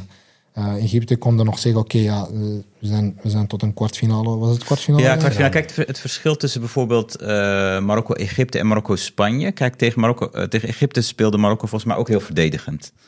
En tegen Spanje ook. Alleen het verschil wat mij betreft was op het moment dat eh, Marokko weer in balbezit kwam. Lukte het tegen Spanje om de bal langer in de ploeg te houden. En tegen Egypte werd die bal meteen eh, ingeleverd. Eh, Tactisch is niet te vergelijken. Eh, Echt tactisch is echt niet te vergelijken. Regregi staat op een, op een heel ander niveau. Ehm, en eh, waarom ook? Omdat hij zelf nog heel jong is. Omdat hij zelf heel veel ambitie heeft. En omdat hij oor heeft naar andere trainers die hem die advies geven. Bij Vahid is het eh, heel old school. Ja. Heel, eh, heel, ja, hoe dat je zegt, militair-achtig is een beetje. Discipline, discipline. Ja, discipline, heel ja. gedisciplineerd. Eh, en, en, en ja, je zit hier wel met volwassenen, volwassenen te spreken die, die, die, die, die kinderen hebben, die, die, die kinderen thuis hebben. Dus je moet ook een beetje mensen zijn uit, naar sommige dingen toe, snap je? Dus hij heeft ook gezegd tegen iedereen van, als je niet onder 10% wit bent, ga je, niet mee, ga je niet mee naar het WK. Ja? Marokkanen hebben liefde nodig. Ik denk dat hoe dat Wahid omgegaan is met Ziyech en hoe dat Regreg is omgegaan met Ziyech, dat toont aan dat je, dat je geen voeling hebt met de groep, denk ik. Maar bij dat je echt van Ziyech is iemand die misbegrepen is, die heeft een bepaalde manier van werken nodig. En als je die... Ik denk, als in het hedendaags voetbal moet een coach zijn aanpak kunnen aanpassen aan de verschillende individuen en niet one size fit all. Iedereen op dezelfde manier behandelen. Ziyech vind ik altijd al dat, dat heel veel mensen gefocust zijn op, op, op, zijn, op zijn personaliteit.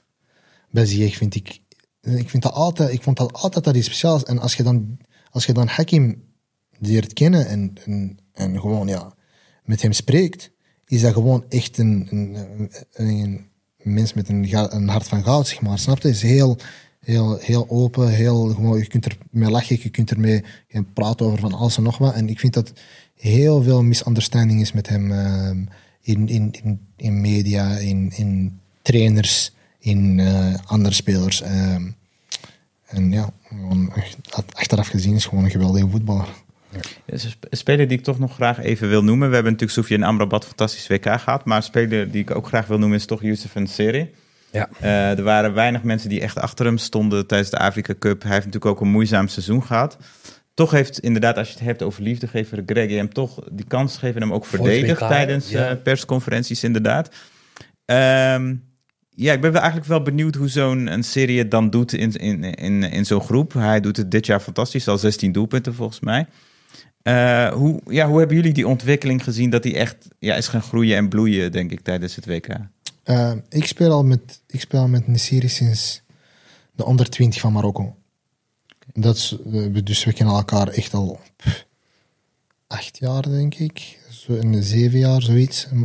Zoiets in die, in die aard. Hebben acht jaar. Ehm, dus ja, ik heb die ontwikkeling echt gewoon firsthand kunnen zien. Ehm, en het is, gewoon een speler die, die heel beslissend kan zijn voor u, want qua, qua, ehm, qua gewoon in de lucht is het niet normaal. Is echt niet normaal. Absolute hij wereldtop. springt er, ik denk dat hij door, door, door het hoogste kan springen van iedereen. Dat, Ja, Ronaldo zeg maar echt een goede duel kunnen, een goede duel kunnen hebben. Ehm, maar natuurlijk, als speler heb je, als voetballer, heb je vertrouwen nodig. En als je, als je struggelt met vertrouwen als voetballer, kan het, kan het heel snel de andere kant op gaan. En de, dat kun je ook zien dit jaar. Na het WK is hij beginnen vlammen. Op het WK heeft hij heel veel vertrouwen opgedaan.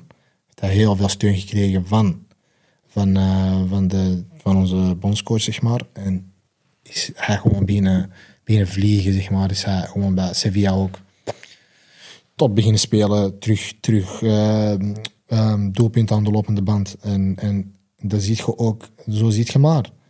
Vertrouwen doet heel veel voor een Ja. speler. En, en, en daar, daar hebben supporters en media heel veel influence.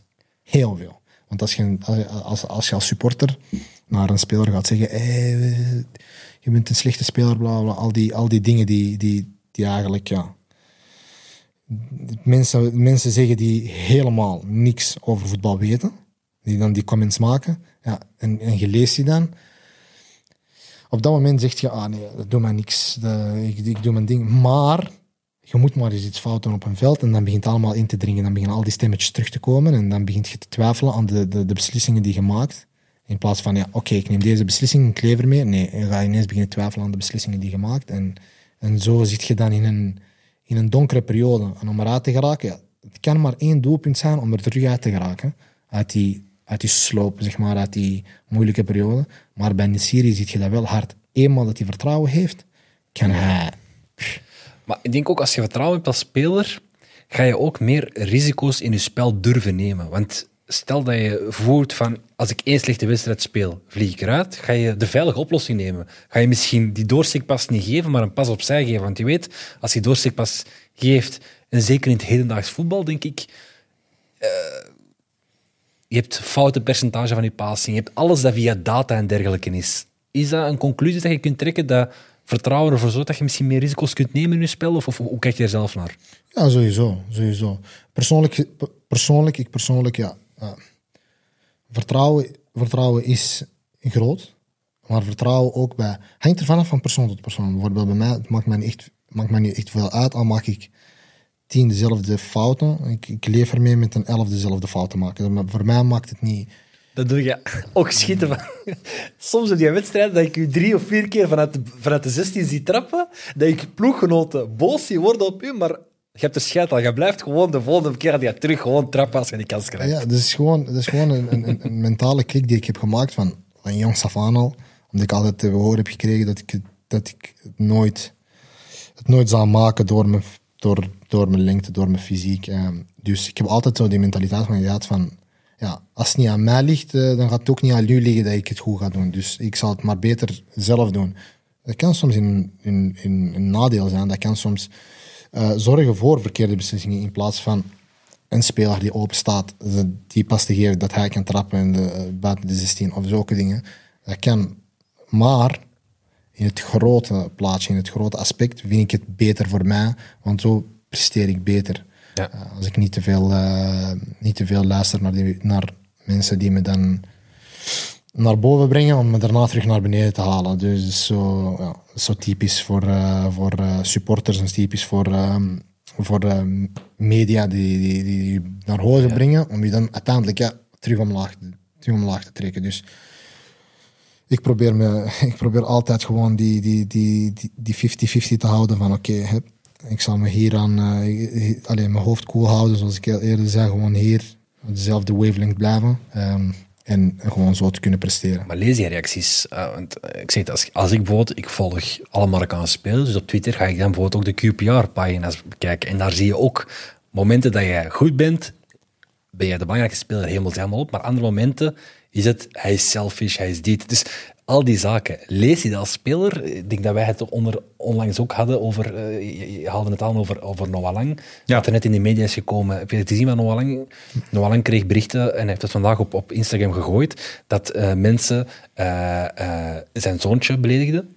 En zeggen dat hij, dat hij die dood wensen, of, of ik weet niet wat nog allemaal. Toby Alderweireld een tijdje terug kreeg ook zo van die berichten. Dus je merkt dat er door de opmars van social media, dat de toegankelijkheid naar spelers toe groter en groter wordt. Dat kan rechtstreeks zijn, maar dat kan ook gewoon op, op, op, op Twitter en dergelijke, als ze, als ze over spelers praten.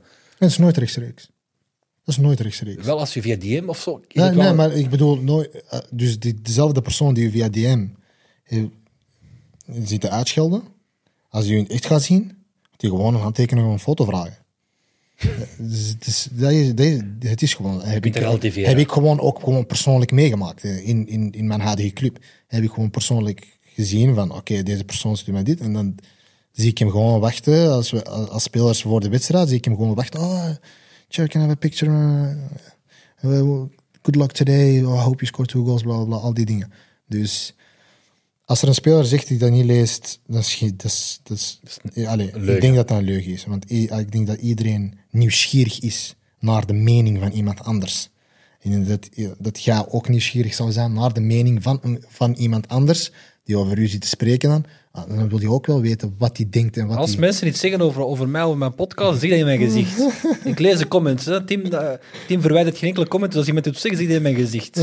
ik heb die fake account, dus ik zal wel. eh, nee, maar eh, zoals ik al zei, dus iedereen, iedereen, iedereen leest wel comments en iedereen leest wel dingen. Ehm, nu is het aan, aan de persoon zelf, aan, aan uzelf, zeg maar, om ermee te leren leven, want het gaat niet stoppen. Want, want worden jullie daar ook in begeleid bij, eh bij club of bij het nationale elftal? Eh, we weten dat er zoiets bestaat als mediatraining, hè, voorbereiding op interviews. Maar krijgen jullie daar ook mentale begeleiding in? Van ja, hoe ga je om met reacties op social media? Ja, die, ehm, ehm, die begeleiding is er. Nu is de vraag, wil je die begeleiding eh, aannemen, snap je? Die, je kan er altijd, ik kan er altijd over spreken met iemand. Eh, Iemand staat er altijd voor klaar.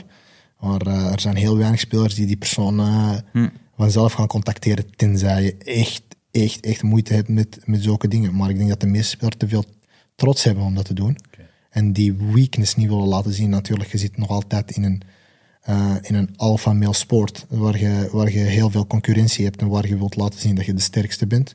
Ehm, dus ik denk niet dat mensen hun weaknesses willen laten zien.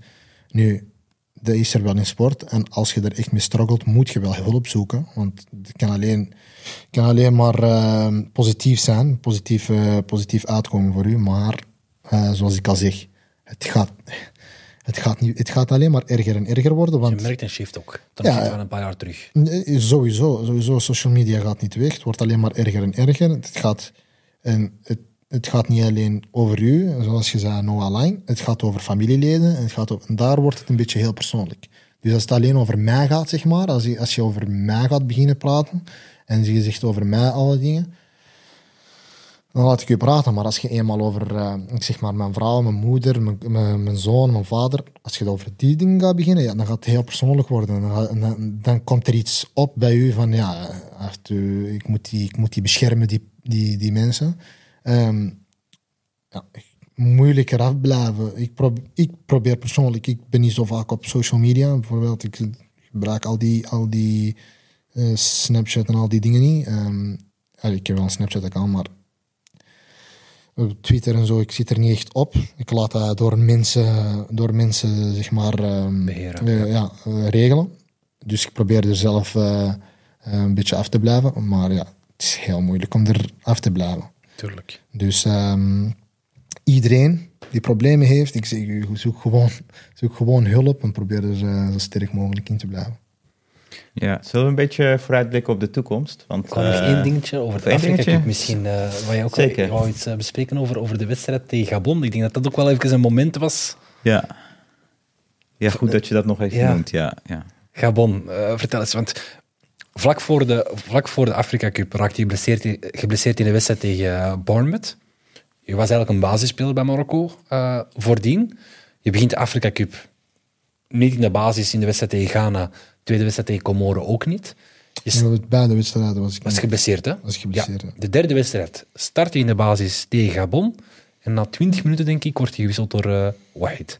Nee, na 22 minuten. 22, sorry. Die twee minuten krijg je nog. 22 minuten. Eh, ja, eh, dat was... ehm, Ik dacht dat je geblesseerd was. Eh, Van op een afstand dacht ik dat je, Nee. dat je terug, omdat je geblesseerd was, dat je terug hervallen was van die blessure. Nee, nee, dat was de moeilijkste moment uit, uit, mijn, uit mijn carrière op dat moment. Allee, behalve het feit dat ik ben, Lierse, ja. ja. ben buitengeschot bij, bij, andere, bij andere clubs hier in België. Maar Ja. dat, dat was het moeilijkste moment in mijn, in mijn professionele carrière, zeg maar. Ehm, dat was, ja, ik kom, geblesseerd, ik kom geblesseerd aan. Dus eh, een week voor de Afrika Cup raak ik geblesseerd, weer al. Die lijn is real. Eh, Vlak, voor, vlak voor Marokko, Spanje voor WK, nu vlak voor Afrika Cup. Eh, ongelooflijk. Ehm, dus ja, dus ik raak geblesseerd aan mijn kaart. En ik ben uit voor zes weken. Ik was uit- normaal gezien ben ik uit voor zes weken. Dus die eh, phone call, die gaat naar Veit. En Veit zegt nee, jij komt. No matter what, jij komt. Je moet Phone komen. call van u of van de club? Eh, Nee, van, eh, van, dus de club stuurt, stuurt, door, stuurt naar, naar Marokko door van iedereen is geblesseerd voor zes weken. Afrika Cup begint over dit en twee weken. Ja, twee weken, oké, ja, twee weken doet hij niks. is nog altijd vier weken revalidatie, dus gaat hij nooit halen. Dus eh, ja, dus wij, wij belt me dan en zegt tegen mij van, jij komt. Dus wat, wat, wat er ook gebeurt, jij komt. Spanje, elke bondscoach wil dat je erbij bent. Ik denk dat je een goede speler bent voor een kern. Eh, ik denk dat ik een goede trainingsspeler ben, ja. Ja, maar ook die coach denkt echt puur aan zichzelf en aan zijn eigen belang op dat moment. Ja, ja, ja toch? sowieso. sowieso. Eh, dus ik zelf, ik was, toen ik de resultaten heb gekregen, was ik in tranen. Toen ik de resultaten van mijn kaart Eerste groot toernooi. Ja, ja, dus ik was in, eh, ik was in tranen en ik... ach, eh, dat was een pijnlijk moment voor mij, omdat ik... Ja, eh, mijn hele familie was op, op dat moment ook in, in, in Londen, bij mij thuis. Ik weet nog, eh, iedereen was aan tafel aan het eten en ik lag in de zetel dan met, eh, met ijs op mijn, op mijn kuit om zo snel mogelijk zeg maar, terug te komen. En kom ik aan in, in Cameroen. En de allereerste dag zegt uh, tegen mij, "Oh, weet je wat, Eh, stap een beetje rond het veld. ja, dus ik stap een beetje rond Een paar veld. dagen na je blessure. Een paar dagen na mijn blessure. Dus ik, ik, heb al, ik heb al een week gehad van mijn blessure. Ja, maar nog Ja, altijd. dus die week. En dan moesten we naar, naar eh, Cameroen vliegen. En dan, die volgende dag hadden we dan training. Dus ik moest stappen rond het veld. Maar had je krukken ervoor of niet? Nee, nee, nee, nee. Ik had geen krukken. Ik moest, niet, ik moest niet door krukken. Ik, moest niet, ik moest gewoon stappen rond het veld. Uh, allee, handig gezien. Stappen rond het veld. Eh, hij zegt, dat als dat, als dat gaat, als je geen pijn hebt, probeer geleidelijk aan eh, te, te joggen. Of als dat gaat. Ik zeg, oké. Conservatief. hè. Dus, Ja, dus eh, generaal.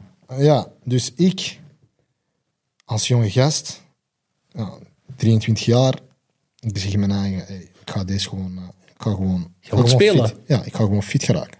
Ik ga gewoon zo snel mogelijk fit geraken. Ik wil, ik wil spelen. Mm, Dus die, dus ik, ik loop, ik loop, ik lieg dan, terwijl ik wel pijn heb. Zeg ik, kijk, ik, eh, ik heb geen pijn, ik heb geen pijn. Ik pak dan pijnstillers. ja, zo, je krijgt dan zo'n tabletjes voor eh, anti-inflam, zeggen ze dan. Dat is voor Ja. die inflammation te doen Ja. laten zakken. Ben ik met heavy, heavy medication aan het, aan, aan het slikken gewoon elke dag om fit te geraken. Eh, want ja, dat was, ook, dat was ook een toernooi van... Voor mij was dat een toernooi voor mijzelf op de kaart te zetten. Voor WK uiteraard. Ja, snap je? Dus, de, eh, dus ik wist ook van, oké, ik ga hier sowieso mijn kans krijgen. Ik ga sowieso... Want daarvoor heb ik alles gespeeld toen. Was ik, eh, was ik gezien... tegen Ja, Sudan, denk ik, of wie was het? tegen Sudan, tegen Guinea-Bissau. Ja. Dus Kwalificatie, ja. ja, dus ik was, eh, ik was goed op weg. Dus ik, zat in, ik zat in goede vorm. Ook die wedstrijd tegen Bournemouth, subhanallah, ik was een, van mijn beste wedstrijden van het seizoen aan het spelen. In één keer, boom, geraak ik geblesseerd. Dus eh, eh, het is wat het is. Dus ik was aan het lopen, aan het lopen, aan het lopen. En ik geraakte stilletjes aan. Fitter en fitter en fitter, zeg maar. Maar, als je twee weken... Het enige dat je hebt gedaan is aan 9 kilometer joggen. Geloof mij nu. En zeker in Afrika. Met die, ja, en zeker in Afrika met die zon en met alles. eh, Je, gaat, je raakt er niet door. Je raakt er niet door. Dan ehm, spelen we tegen Ghana. Eh, twee dagen daarvoor ben ik door Vahid fit verklaard. En door de gezegd, dokter? eh, en, ja, dus hij heeft, me, hij heeft mij doen lopen. Hij heeft gezegd, oké, jij bent fit. Ik ga je misschien voor 25 minuten erop laten komen. Hij heeft dat uiteindelijk niet gedaan, omdat de wedstrijd niet naar mijn kwaliteiten eh, zocht op dat moment. We waren 1 0 aan het winnen, denk ik. Dus ik eh, had mij niet nodig op dat moment. Comoren, juist hetzelfde. Het houdt dezelfde ploeg, geen enkel probleem. Ehm, nee, ik denk dat het eh, de tweede wedstrijd Gabon was. Nee, Of, nee, nee. Twee, tweede de wedstrijd. 6 op 6 tegen Comoren Ah, waren, ja. al, waren al geplaatst voor de Ah ja, ja, ja, tuurlijk. Dus Gabon, Gabon, 2-2. komt eraan. Ehm, dus ik denk, oké, Gabon, belangrijke wedstrijd. Eh, we moeten een punt halen voor in die stad te blijven. Ja. In die stad. Anders moesten we helemaal naar het zuiden gaan. Ja. Die, die, die, die, die, eh, andere velden waren... Oh, dat was een drama. Dus wij waren nog op het beste veld. Die andere velden waar Algerije en, en zo speelden, was niet, niet, niet te doen. Ja. Dus wij waren nog op het beste veld. Dus wij moesten sowieso een punt pakken om daar te blijven. Dus de, een van, allee, de belangrijkste wedstrijd in de groepsfase op dat moment dan, behalve de eerste wedstrijd.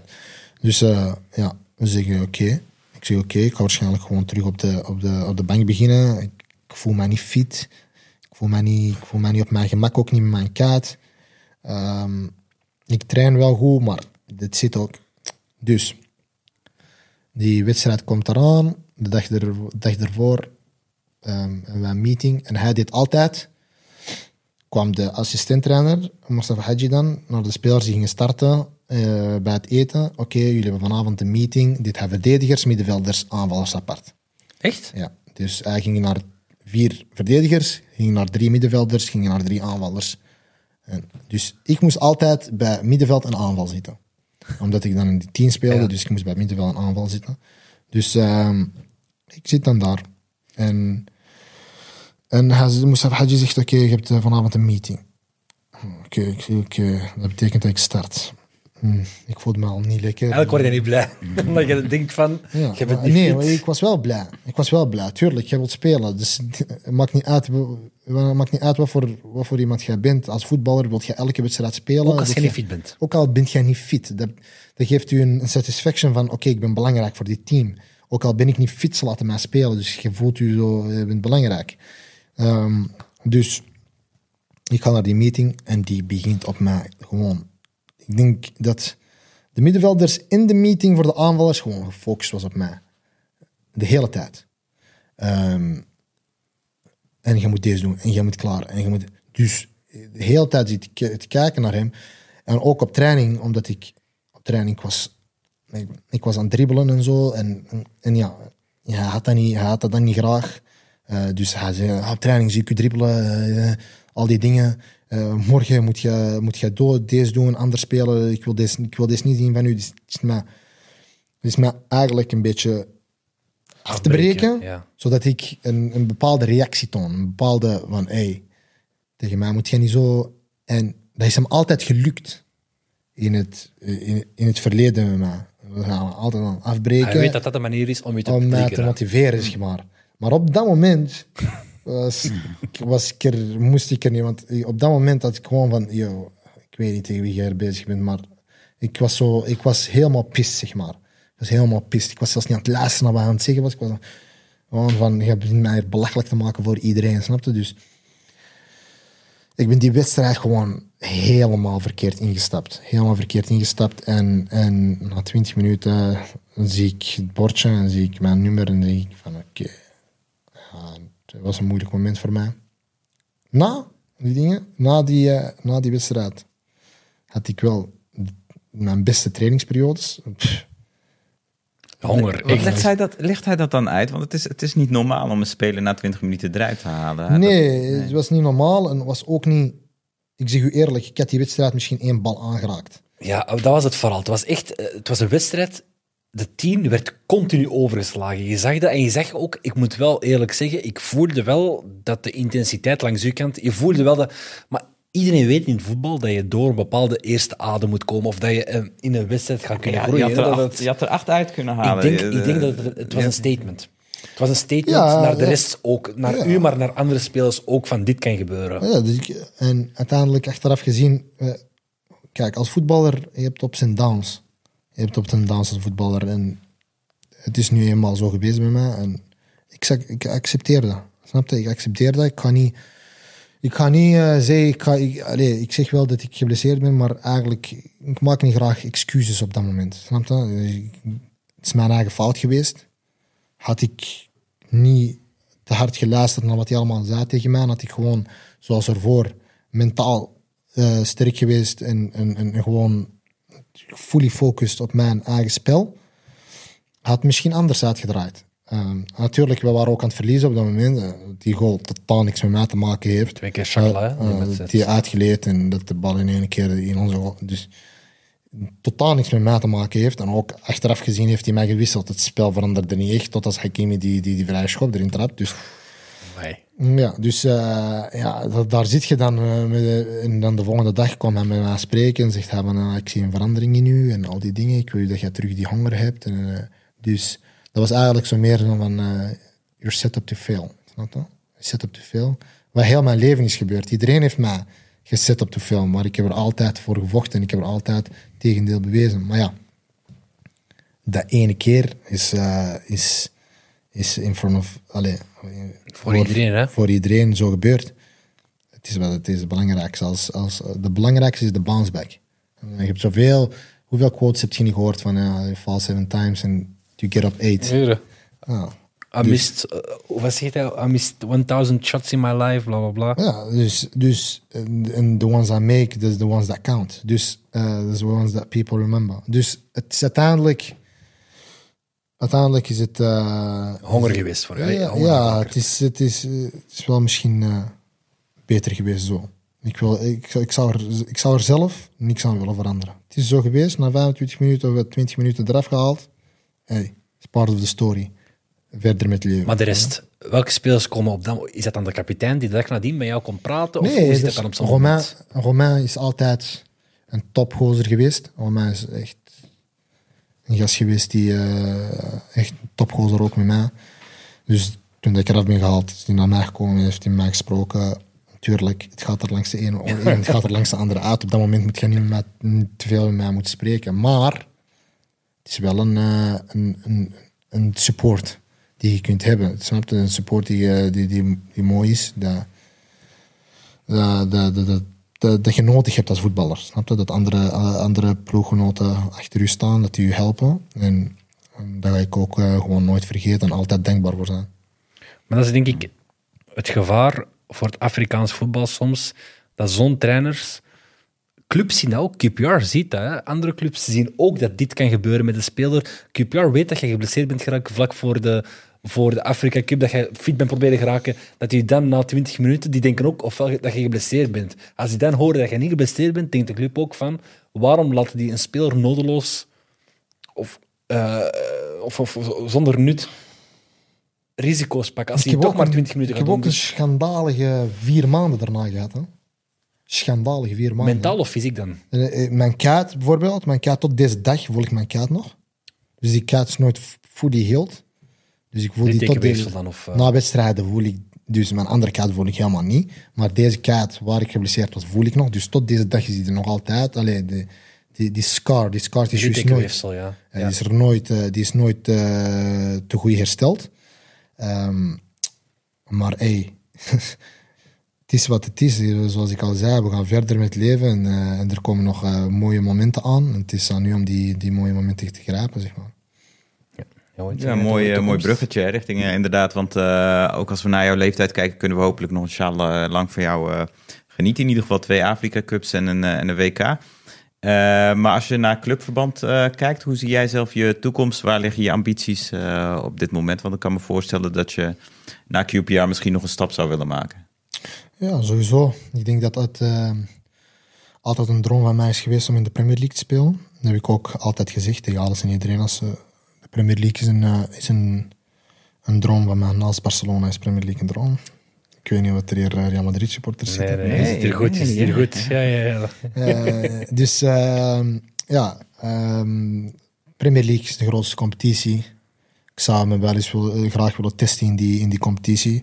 Ehm, ik denk dat ik eh, ja, fysiek moeten we niet te veel, mo- mo- moeten we niet te veel eh, over praten, want ik denk dat ik in de meest fysieke competitie zit in de wereld, in de, in de championship. Dus eh, Dus qua, qua lengte ben ik altijd de kleinste. Qua kracht ben ik altijd, zo gezegd, de zwakste. Dus het is, eh, het is fysiek de moeilijkste competitie. Dus op dat vlak... 42 matchen, of hoeveel matchen is dat? 46, 46 matchen op het seizoen. Laten we zeggen twee, twee Carabao Cup wedstrijden gemiddeld. En twee FA Cup wedstrijden gemiddeld. Dus dan zit je wel toch aan 50 wedstrijden in het seizoen. Ehm, ja, dus, eh, het, is, het is een harde competitie en ik wil me, ik wil me, wel, eens, eh, ik wil me wel eens testen in een, eh, in een andere competitie. Preferably de, de, de, Premier League. Als het niet zo is, als het niet zo zou mogen zijn als dat niet de mix is, geen enkel probleem. Dan gaan we, we kijken ergens anders. Maar het is wel de bedoeling om, om een, stapje, een stapje hoger op te zitten. Maar idealiter is wel Engeland. Een, een competitie als Spanje, Frankrijk, Duitsland. Als je daar Dus, kijkt. dus ook, ook is heel mooi. Ja, ook is heel mooi. Ook iets eh, waar ik, eh, waar ik zou, allee, waar mensen me altijd voor hebben afgeschreven. Dus wat ik nu aan het, wat ik nu aan het doen ben, wat ik nu aan het leven ben, zeg maar, zou ik nooit hebben mogen geleefd als ik moest luisteren naar de mensen die me hebben afgeschreven. Dus we take on, we take on eh, wat we maar kunnen tekenen. En uh, inshallah zal er alleen maar, alleen maar mooiere dingen aankomen. Ah, ik wens een mooie Ik denk, dat, inshallah, ik wens een heel mooie transfer. Ik denk dat je de voorbije jaren, werd je nadrukkelijk genoemd bij Club Brugge, Antwerp, eh, Aston Villa, deze zomer na het WK, of de- deze winter na het WK werd al genoemd. Dus dat zijn wel mooie clubs waar je inderdaad genoemd werd. De toekomst Ja. ziet er mooi uit, inshallah. Ik denk dat nu wel op dit moment in je carrière, zo- zoals, zoals Mustafa zegt, je bent een gevestigde ware, je bent een belangrijke pion bij een QPR. Je hebt zowel voor promotie gespeeld als nu tegen de degradatie de laatste periode. Ik denk dat je wel, je hebt een WK achter de rug, je hebt een groot toernooi met, met, met Marokko, de Afrika Cup eigenlijk gespeeld. Dus je hebt wel voldoende bagage om die volgende stap te zetten, inshallah. Dus Ja, inshallah, ook qua, Ja. qua leeftijd eh, is het denk ik nu de periode dat je eh, de beste jaren misschien nog voor je hebt, inshallah. Dus echt op je, op je top bent. Hè. Voetballers zijn rond hun 28ste meestal op hun top. Dus eh, ja, inshallah kunnen we mooie dingen gaan, eh, gaan verwachten. Wordt een interessante zomer. Dus, Ja. eh, Inshallah, dat is ook de bedoeling. Dat is ook de bedoeling, ja. Je sprak net over, over U20, hè, dat je met een serie hebt gespeeld. Ehm, neem ons even mee, want wat veel mensen weten, maar niet iedereen waarschijnlijk, is dat jij, ehm, je bent opgegroeid in België, in Antwerpen. Je moeder is van Poolse origine, je vader is van Marokkaanse origine. Dus op papier had je voor drie verschillende naties kunnen kiezen. Ehm, hoe is dat contact geweest met Marokko?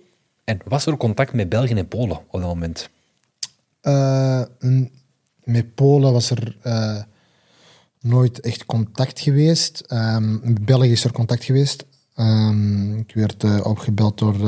allee, ja, ik werd opgebeld door de bondscoach op dat, op dat moment. En, Welke categorie? de eerste ploeg. Eerst ploeg? Ja, ja. Ah, wie was dat dan? Roberto Martinez. En die heeft gezegd van... hele goede speler. Ehm, qua potentie zie ik, hem, zie ik hem hier spelen.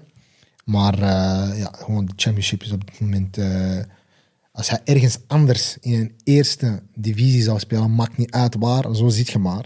Dus die eigenlijk moedigt je aan om een transfer te maken, Ja. om in beeld te komen bij... Ja, dus dus dan, dan, dan, eh, dan kom ik sowieso in, in contentie om daar, te, om daar te spelen, zeg maar. Oké, maar het is nooit... eh, dat is geen optie voor jou. Dat was nooit een optie voor mij. Ik heb eh, altijd voor Marokko gespeeld. België was nooit gekomen naar mij op die lagere categorie. Ehm, ik speelde toen bij, bij, bij Lierse als 16-jarige jongen. Die toen op dat moment kampioen van België zijn geworden. Ja. Ehm, bij de belofte. Nooit eh, opgeroepen door de, Belgische, door de Belgische nationale ploeg. Dus ik had ook zo van, oké, België wordt hem sowieso niet. Toen dat ik naar, toen dat ik naar QPR ben gegaan, heb ik ook niks gehoord van België. Dus ik moet... De Belgische nationale ploeg was nooit een, eh, nooit een eh, objectief van mij. Ehm, en ik zou er ook nooit op willen zijn ingegaan. Al beweren andere mensen van wel. ja. Dus Morat, eh, denk ik, heeft u dan gecontacteerd, de scout van Marokko toen bij de U20? Was dat dan het eerste contact die je hebt gehad met Marokko? Of hoe verloopt het eerste contact? Eerste contact heb ik zelfs niet eens gelegd. Dat was een van mijn vrienden die dat had gelegd. Ja? Vertel. Ik speelde, ik speelde bij Lierse. Ja. Eh, en op een gegeven moment... ehm, sp- eh, ehm, zijn, dus mijn vrienden kwamen elke maandag kijken. Dus we speelden op maandagavond in Zandhoven. En op een gegeven moment eh, kwam ik uit de douche, ging ik naar buiten en zeg ik mijn vriend spreken met, met, met iemand. Een, Nederlander op dat moment. Ah, die Nederland met zijn auto, met dat klein autootje, die, hoe heet dat weer al? Ja, dat geen idee, maar die Ja. reed inderdaad de hele Benelux. Heel eh, Benelux, door, ja, ja, ja. Dus eh, ja, dus eh ah, grave gast. Ehm, en, eh, en toen, ja, toen, toen, toen was hij met hem aan het spreken. En de week daarop was mijn vriend met iemand van hier aan het spreken, van, van, van, van in België. En toen is die contact eigenlijk zo, zo gekomen eigenlijk. En dan is mijn, v- mijn vader kwam ook altijd kijken. Is mijn vader, mijn, toen op dat moment mijn beste vriend had toen ehm, eh, contact gelegd met mijn vader en, eh, en, eh, en die, die, die mens, zeg Je maar. had geen zaakwaarnemer toen, hè? Toen had ik nog geen zaak, nee, nee, toen had ik nog geen zaakwaarnemer. En zo, had, zo was die, subhanallah, die contact gekomen. En dan zei hij van, oké, ik ga u, ik ga u, ik ga u eens voorstellen aan Mark Wotten. Ah, ja. En, eh, en toen heeft Mark Wotten mij opgeroepen voor, eh, voor, eh, voor eh, een stage te komen doen. En heb ik die stages gedaan bij de onder 20. Ehm, altijd ben ik opgeroepen geweest. Ben ik een transfer, allez, ben ik naar QPR gegaan. Juist hetzelfde verhaal, ben ik opgeroepen geweest. Eh, de Olympische team toen nog tegen dingen gespeeld. Eh, tegen wie was het? Ghana, denk ik. Was Ghana? Ja, het was Ghana. We hebben met het Olympische team tegen Ghana gespeeld voor de Olympische Spelen. We hebben dat toen verloren met al die jongens. Uh, Mzraoui, Hakimi, uh, Nesiri, uh, Dari. Dus allez, veel spelers die nu in de eerste ploeg spelen, hebben toen op Ja. dat moment gespeeld. We hebben toen verloren. Tissot Dali ook, denk ik, hè, dat er toen bij was. nee, nee. Tissou is een... Ja, Of ik heb een foto gezien. dat- Tissou, Tissou, Tissou is eh, een oudere categorie. Oké. Ja, dus eh, ja. Toen, eh, toen die onder 21. ehm, en, en ja, daarna de, de, eerste ploeg is gekomen. En zo is, het eigenlijk, en zo is het eigenlijk gegaan, eigenlijk door een vriend van mij die zo contact heeft gelegd. En, Want eh, je hebt je jeugdopleiding gehad bij Ternesse, je bent dan denk naar Beerschot, Waals aan Beveren, KV Mechelen. En dan ben je bij de Jean-Marc Guillaume Academie terechtgekomen. Ehm bij de vorige aflevering hadden we eh Zakaria El Wahdi. Die zat bij de SCV Academie, waar ook Zarouri en dergelijke bij zaten. Jij komt van de Jean-Marc Guillaume Academie, waar een Benson, maar ook een eh Ben Sebaini, denk ik, van, eh van eh, Algerije en Mönchengladbach, waar een Tahiri van Heerenveen. En hoe noemt die jongen van Utrecht? Eh. Boussaïd. Boussaïd, al die speels zaten daar ook. was ook op blote voeten, denk Jason ik. de Nayer, Jason de Nayer, Theo Bogonda, Bogonda. Vertel eens. Saoudi. Ah, Ja. maar Saudi, inderdaad, die bij Marokkaanse nationale ploeg heeft gespeeld en bij Lierse. Vertel eens, eh Brik was er ook denk ik ook bij, Kasmi. ja, dus, ja, je Kasmi. Je, je, had wel weer een heel mooie generatie. Maar vertel eens over die Jean-Marie Guillaume Academie. Blote voeten en dergelijke, al die zaken kwamen daar ook aan bod. Vertel eens. Ja, eh, een, spe- een speciale moment in mijn carrière, denk ik. Allee, in mijn, in mijn jeugd. Dat is... ehm moet ik eh, even oppassen met wat ik hier allemaal zeg. Ehm, De vraag is misschien, waarom ga je op dat moment van elitevoetbal, of, of nationaal voetbal, hoe dat toen heette, naar zo'n academie? omdat er op dat moment een beetje een droom wordt, wordt verkocht aan u, zeg maar. Dus er zijn... je kijkt dan naar de spelers zoals Yaya Touré, Kolo Touré, Eboué, Kalou. Die, die, allee, ehm, die daar allemaal zijn van gekomen. Die dan via KSK Beveren naar Arsenal. En dan zit je Jean-Marc Guillaume met, eh, met eh, foto's met Arsène Wenger. En al die soort dingen, zeg maar. Eh, Samenwerking tussen Beveren en Arsenal in de tijd ook. eh, ja. Dus je ziet al die dingen en je zegt in je eigen van oké, dus, dat is iets, dat, je zegt in je eigen van oké, dat is iets eh, dat, dat mij aanspreekt. Ik wil ook topvoetballer worden. En dat is eigenlijk, achteraf gezien is dat niet eigenlijk een beslissing van, van, van de speler zelf. Een- van de ouders is dat een beslissing geweest van, en sturen we die wel naar daar als 11, 12-jarige jongen. Eh, nemen we die van school, steken we die een week in een internaat, komt hij alleen op het weekend naar, naar, naar, naar, eh, naar huis. Dus dat is meer een beslissing voor de ouders, maar op dat moment hebben die ouders gezegd, wat wilt jij doen?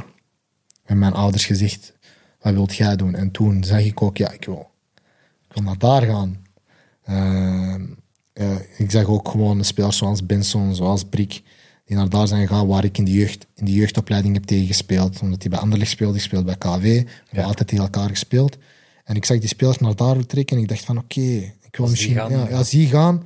Kijk, ze zijn een van de beste spelers bij, bij, bij, bij hun jeugd, eh, jeugdcategorieën. Ah, waarom zijn die naar daar gegaan? Dat zijn de beste spelers, ik ga ook naar daar. Dus eh, ja, ben ik naar daar gegaan. En, en mocht ik eerlijk, mag ik eerlijk zijn, dat is misschien, eh, misschien op voetballend vlak. Op voetballend vlak is dat, is dat heel goed geweest. Heb ik tonnen geleerd, geleerd aan voetbal. Intelligentie, techniek, al die dingen heb ik geleerd. Dus je hebt leren spelen zonder het fysieke aspect van voetbal. Daarom overleef ik nu ook gewoon deze fysieke competitie, zoals de championship, door toen. Omdat het heel fysiek is. En ik heb leren spelen zonder fysiek contact. Te, te ver- allee, fysiek contact te vermijden, omdat, ja, omdat spelers dan met, met, met de toppen, allee, met, eh, met voetbalschoenen komen spelen, allemaal 18, 19 jaar, jij bent 12 jaar op blote voeten. Ja, dan moet je wel fysiek contact vermijden, anders, Ja, anders, ja, anders is de pech. Anders zit je daar met een gebroken teen of een, een, of een gebroken voet. Dus je, je moet anders spelen. Je moet met, met koppen spelen. Dus dat heb ik geleerd. En, de, en door, daardoor, zeg maar, ben ik nu eigenlijk bezig in die championship. Door dat. Ehm, maar gewoon puur het menselijkheid. Nee? Nee. Dus heeft, eh, heel veel, heeft heel veel dingen afgepakt als jeugd, als, als, jonge, als, jonge, als jonge gast. Snap je? Dus ik, ben, ik heb een eerste middelbaar gedaan op, eh, op SM9 en heb ik heel veel goede gasten leren kennen, die ik dan op dat moment allemaal ja, aan de kant heb geze- moeten zitten, omdat ik dan elke week daar zat. En dan zeg je, dan zeg je die jongens wel progressing in life en wel in de U12, 13, 14, 15, 16, 17, allemaal zo tot aan de belofte. En zelfs Senna sommige... denk ik. En zo zat er ook bij. Op, op, op. Wie? Senna Meyang, zo was dat toch van de generatie van op school? Ja, ja, van op Ja. school, Senna, Marco Wijmans, al die, Ja. al, al- die spelers zijn allemaal, allemaal ja, eerste ploeg gaan spelen en zo in hun respectievelijke, in, in hun respectievelijke club. En dan ja, als, als ja, 16, 17-jarige jochie, uh, zit je daar dan wel met 40 spelers die... Je kunt niet alle 40 laten spelen. Je hebt er 11. Je, je hebt er 11 die in de eerste ploeg kunnen spelen. Je hebt er 11 die in de belofte kunnen spelen. Dus de ouderen, de betere van de ouderen gaan dan naar de eerste ploeg. Je gaat nooit een club overtuigen om 11 18-jarige jongens gelijk in de eerste klasse van België te zetten. In Lierse toen, op dat moment. Die speelden nog eerste klas, wanneer dat Faisal uh, Ahmed al- allemaal hun debuut maakten. Je gaat nooit een, een, een club overtuigen om dat te doen. Ook al is de owner erachter, de trainer heeft nog altijd een zeg. Dus dat is, nooit, uh, is er nooit van ingekomen. Dus speelde er vaak bij de belofte. Which makes dat andere jongens van een leeftijd waar die uiteindelijk moeten beginnen met uh, competitief 11 tegen 11 voor gewoon hun ontwikkeling, is dat er nooit van ingekomen. Omdat die spelers dan van de eerste ploeg naar de belofte moeten komen. Dus die ontwikkeling... Mohim. Het is een hele fiasco en dat is nooit uh, uh, goed georganiseerd geweest. Dat is georganiseerd op een Marokkaanse wijze. Dus gewoon, ja, we gaan dat zo doen en het gaat zo uitkomen. Uiteindelijk zijn er zoveel complicaties bij gekomen dat het nooit ja. is in orde gekomen. En, en er, daardoor zijn er heel veel jongens, heel veel jongens gewoon hun, hun, hun, hun jeugddroom naar de, naar de vaantjes gaan, zeg maar. Door, gewoon puur door dat. Niet, niet door talent. Niet door, niet door qua, op voetballend vlak. Want er zijn er, er, zijn er, er, zijn er zoveel betere dan mij. als ik kijk naar betere Blik, dan ja. andere spelers die het, hebben, die het wel hebben gemaakt in het voetbal. Zoveel anderen wel beter. Maar die gewoon nooit die, die, die, die, die kans... Niet die kans zou ik zeggen, maar nooit die stap, heb kunnen, die stappen heb ik kunnen maken door de hele fiasco bovenop. En nu dat ik ouder ben en nu dat ik een beetje meer begrijp van het voetbal, zie ik hoeveel dat, het, dat er hoger op wordt beslist wat er gebeurt. Lager. Dat er hoger op wordt beslist van oké, nu gaan we deze 16-jarige jongen pushen. Nu gaan we deze 18-jarige pushen. Misschien is hij niet de beste, maar ja, we gaan hem wel pushen omdat hij het geld gaat maken dan voor ons. Investering, snap je? Dus, dus er zijn zoveel dingen die bij voetbal komen kijken. En, en als, jonge, als jongere gasten, en, en vaak allochtonen dan, dus onze ouders die begrijpen ook niet echt veel van de business side of, of things. Dus dan, dan zijn er van die zaakwaarnemers die ons dan een hele verhaal verkopen, die ons dan willen, willen overhalen en, en, die ons een droom verkopen. En ja, als ouders denk je dan van oké, en als jonge gast denk je van oké, ik ga ermee in zee, terwijl dan- dat hij u dan nog lager brengt en, en helemaal niks voor u eh, betekent, u eigenlijk gewoon vastzet. Want ja, je kunt niet meer met een andere zaakwaarnemer gaan zonder dat hij een mandaat heeft. en, eh. ah, al, de, al, de, al de bijzaken van voetbal komen erbij kijken in plaats van... Ja, het gaat gewoon over, puur over het spel en puur over uw talent. En dat is een beetje ehm, een fout gegaan. En, en daardoor hebben veel jongens hun droom moeten opgeven. Ehm, wat ik heel spijtig vind. Want je krijgt een contract als 16-jarige Ja. bij Lierse. Je speelt denk ik twee wedstrijden. Je zit er heel vaak bij de wedstrijd maar je speelt Younes, denk ik op, twee dat, keer. ja, op dat moment met Younes, tegen Kokzijde en... Zerdoek. eh, Younes Zerdoek. Tegen Kokzijde, tegen Cercle Brugge heb ik als linksback gespeeld. Eh, eh, tegen Cercle Brugge heb ik al... Ja, Kokzijde, Cercle Brugge, that's it. ja. En dan nemen ze afscheid van u. Dus de droom die verkocht werd, slaat aan diggelen. Je bent... Ik ga dat nooit vergeten, die moment. Die moment. Dat ga ik nooit vergeten. Ik ben, ik ben dan in de, in de, in de office gestapt van de, de op dat moment technisch directeur. Was dat die Maged Sami of eh, Nee, nee, Magid Sami was de owner. de owner? Dat- Oké. Hij was de grote baas, maar op dat moment de technisch directeur was niet Thomas Razinski, maar was iemand anders. Ik wil geen namen noemen. Op dat, eh, maar Ja. In ieder geval, dat was iemand anders en die heeft gezegd eh, tegen mij van oké, er is hier geen toekomst bij u, bij, de, bij Lierse, de eerste ploeg. Wat wij u wel kunnen doen, is wij kunnen u uit, uitlenen aan... Turnout. Niet aan Turnhout, aan... Zeg maar nog eens zo'n ploeg in die, in die streek. Vosselaar. Vosselaar misschien, die geel.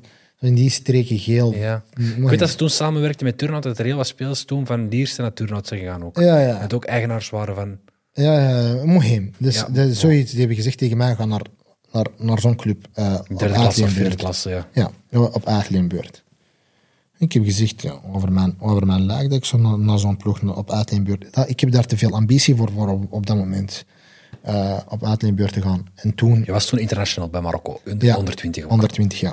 En eh, zo ziet je maar... Sorry.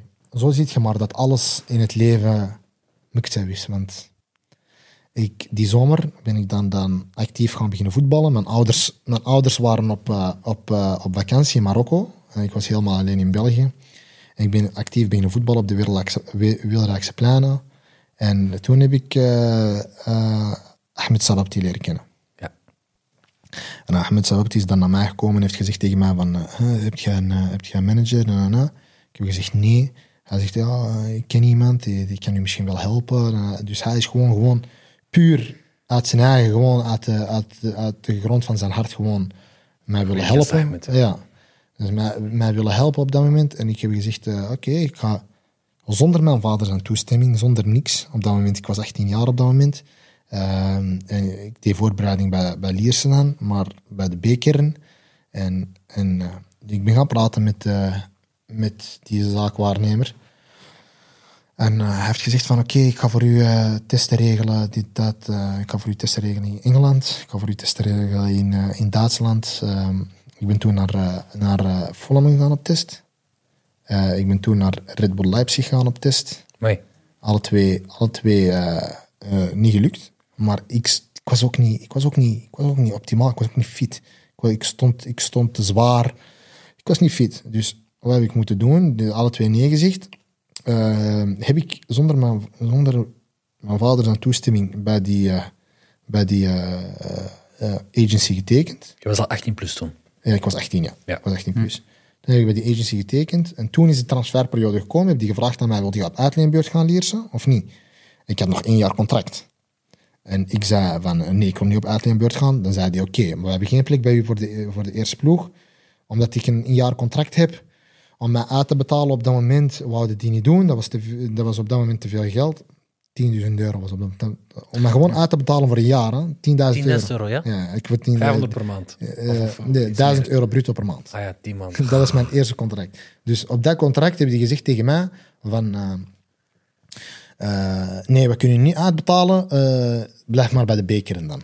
Ik heb gezegd, oké, dan blijf ik bij de bekeren. Heb ik bij de be- bekeren mijn, mijn wedstrijden gedaan, mijn, mijn, eh, mijn trainingen gedaan. Elke, Terug fit geworden. Ja, terug fit geworden elke keer.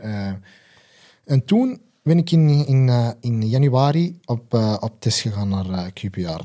En dat, op dat moment heeft dat heeft heel mijn leven veranderd. Dus heeft die mij gestuurd naar QPR, ben ik op testbeurt gegaan. En hij heeft er, Chris Ramsey op dat moment heeft gezegd, dat is, dat is degene die in controle is over alle, ehm, alle spelers in de jeugd. Dus van de belofte tot aan, tot aan de onder, onder vijf, zeg maar. Hij heeft gezegd tegen mij, oké, je een contract aanbieden. Na drie dagen heeft hij gezegd tegen, Ja, drie dagen na drie dagen heeft hij gezegd tegen mij, ik ga je een contract aanbieden. Bij de, bij de onder 23 van QPR. Ik was toen ja, 19 jaar. Ik was juist 19 geworden. Maar klopt het dat het contract maar tot het einde van het seizoen was? Dus van december of, of januari tot het einde van Eind het seizoen? januari, 31 januari, heb ik, mijn, heb ik die contract getekend. Omdat Liers op dat moment nog moeilijk deed om mij te laten gaan. Uiteindelijk toch. Ja, die hebben uiteindelijk moeilijk, aan verdienen of zo. Ja, die hebben uiteindelijk moeilijk, ja, die hebben nog moeilijk gedaan om mij te laten gaan ook nog. Dus, dat was, dus ik werd aangenomen op 22, feb- eh, 22 januari. Eh, en dat is in orde gebracht. eh, twee uur voor de deadline. Dat is in orde gebracht. En die, eh, die, wouden mij, ja, die wouden mij niet laten gaan. Die waren iets aan verdienen. Die, wel, ik, eh, allee, eh, maar uiteindelijk heeft mijn zaakwaarnemer dat allemaal geregeld. Heeft hij gezegd van, eh, "Oei, dit is normaal, dit, dat. Jullie toch- laten hem eerst laten gaan en dan zeggen jullie nee. En, eh, en eh, toen is dat toch uiteindelijk gelukt. Ben ik naar daar gegaan, heb ik getekend van 31 januari tot en met eh, ehm, 1 juni. Ik denk, dat je, ik denk dat je die maanden alles hebt gegeven wat je in je lichaam hebt. hè. Bro, Echt gewoon alles voor dat contract. S ochtends vroeg aankomen, s'avonds geen snack, geen ik niks. verdiende, je moet, ik verdiende 250, 250 pond per week. Eerste contract. En 250. accommodatie was het er of niet? Huh? Accommodatie is soms wel geregeld, hè? Oké. Ja, ja ik, ik, ik zat bij een gastgezin. 250 pond per week. Ik zat bij de onder 23. Ik had geen, ik had geen auto om naar daar te rijden. Dus ik werd altijd opgepikt door de, door, eh, door de keeper van de onder 23 gaan wonen in de buurt. Dus hij werd, hij werd dan betaald door QPR om mij altijd te, Ja. te laten rijden. Als ik u zeg, oela, eh, van die 250 pond per week heb ik niks aangeraakt. Ik, denk, ik dacht zelfs aan Maar niks. geld, dat boeit je niet, geld. Dat, dat boeide mij niet. Ik zei, oela, ik vertrek hier zonder een, eh, een, eh, een, deftige, een deftig contract, een deftige, een, een deftige plaats in deze club. Dat, ik, kan, ik heb mij gedediceerd die, die, die, die paar maanden. Ik sprak met niemand. Mijn ouders hoorden mij voor een maand niet. Dat ma- dat maakte, dat maakte mij niks uit. Ik sprak met niemand. Dat was gewoon de echt puur fitness. Wallah, ik was geobsedeerd met alles. Ik ging na training lopen, in de nacht ging ik lopen. Eh mooi, gezond eten, al die... Dat was toen, heb ik mijn eigen gevonden in de professionaliteit, zeg maar. Heb ik mijn eigen een beetje leren kennen. Hoe ver ik kan gaan mentaal. Hoe ver kan ik gaan mentaal. En heb ik mij zo gewerkt, hebben die mij in de zomer verlengd voor een jaar.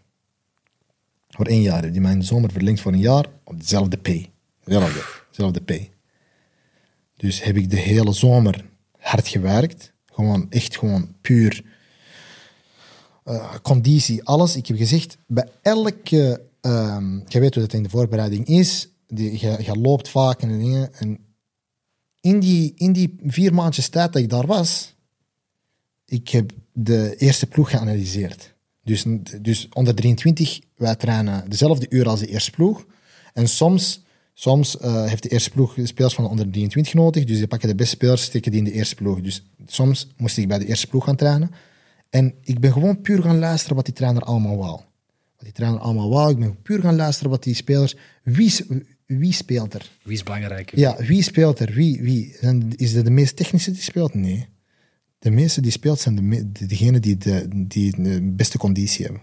Die het meeste lopen tijdens een wedstrijd. Dus die trainer op dat moment, Ian Holloway, was all about numbers. Dus als jij 12 kilometer per wedstrijd kon lopen, wallah, ik garandeer u, je had gespeeld bij die gast. Als je 12 kilometer. Ik Dus ga dat niet kunnen lopen. Ik zie nu al 12 kilometer. Dus ik heb die zomer, ik heb, ik heb, ik heb die zomer in mijn hoofd gezet van deze, deze trainer, die wil puur spelers die gewoon kunnen lopen. Dus Als ge- 18 of, of 19-jarige op dat moment die maturiteit hebben om daarmee bezig ik was te op zijn. een andere mindset. Ik Obsessie, was- dat is echt... Ik, ik was Ik geobsedeerd. denken. Dat doet mij denken aan Kobe en, eh, en MJ.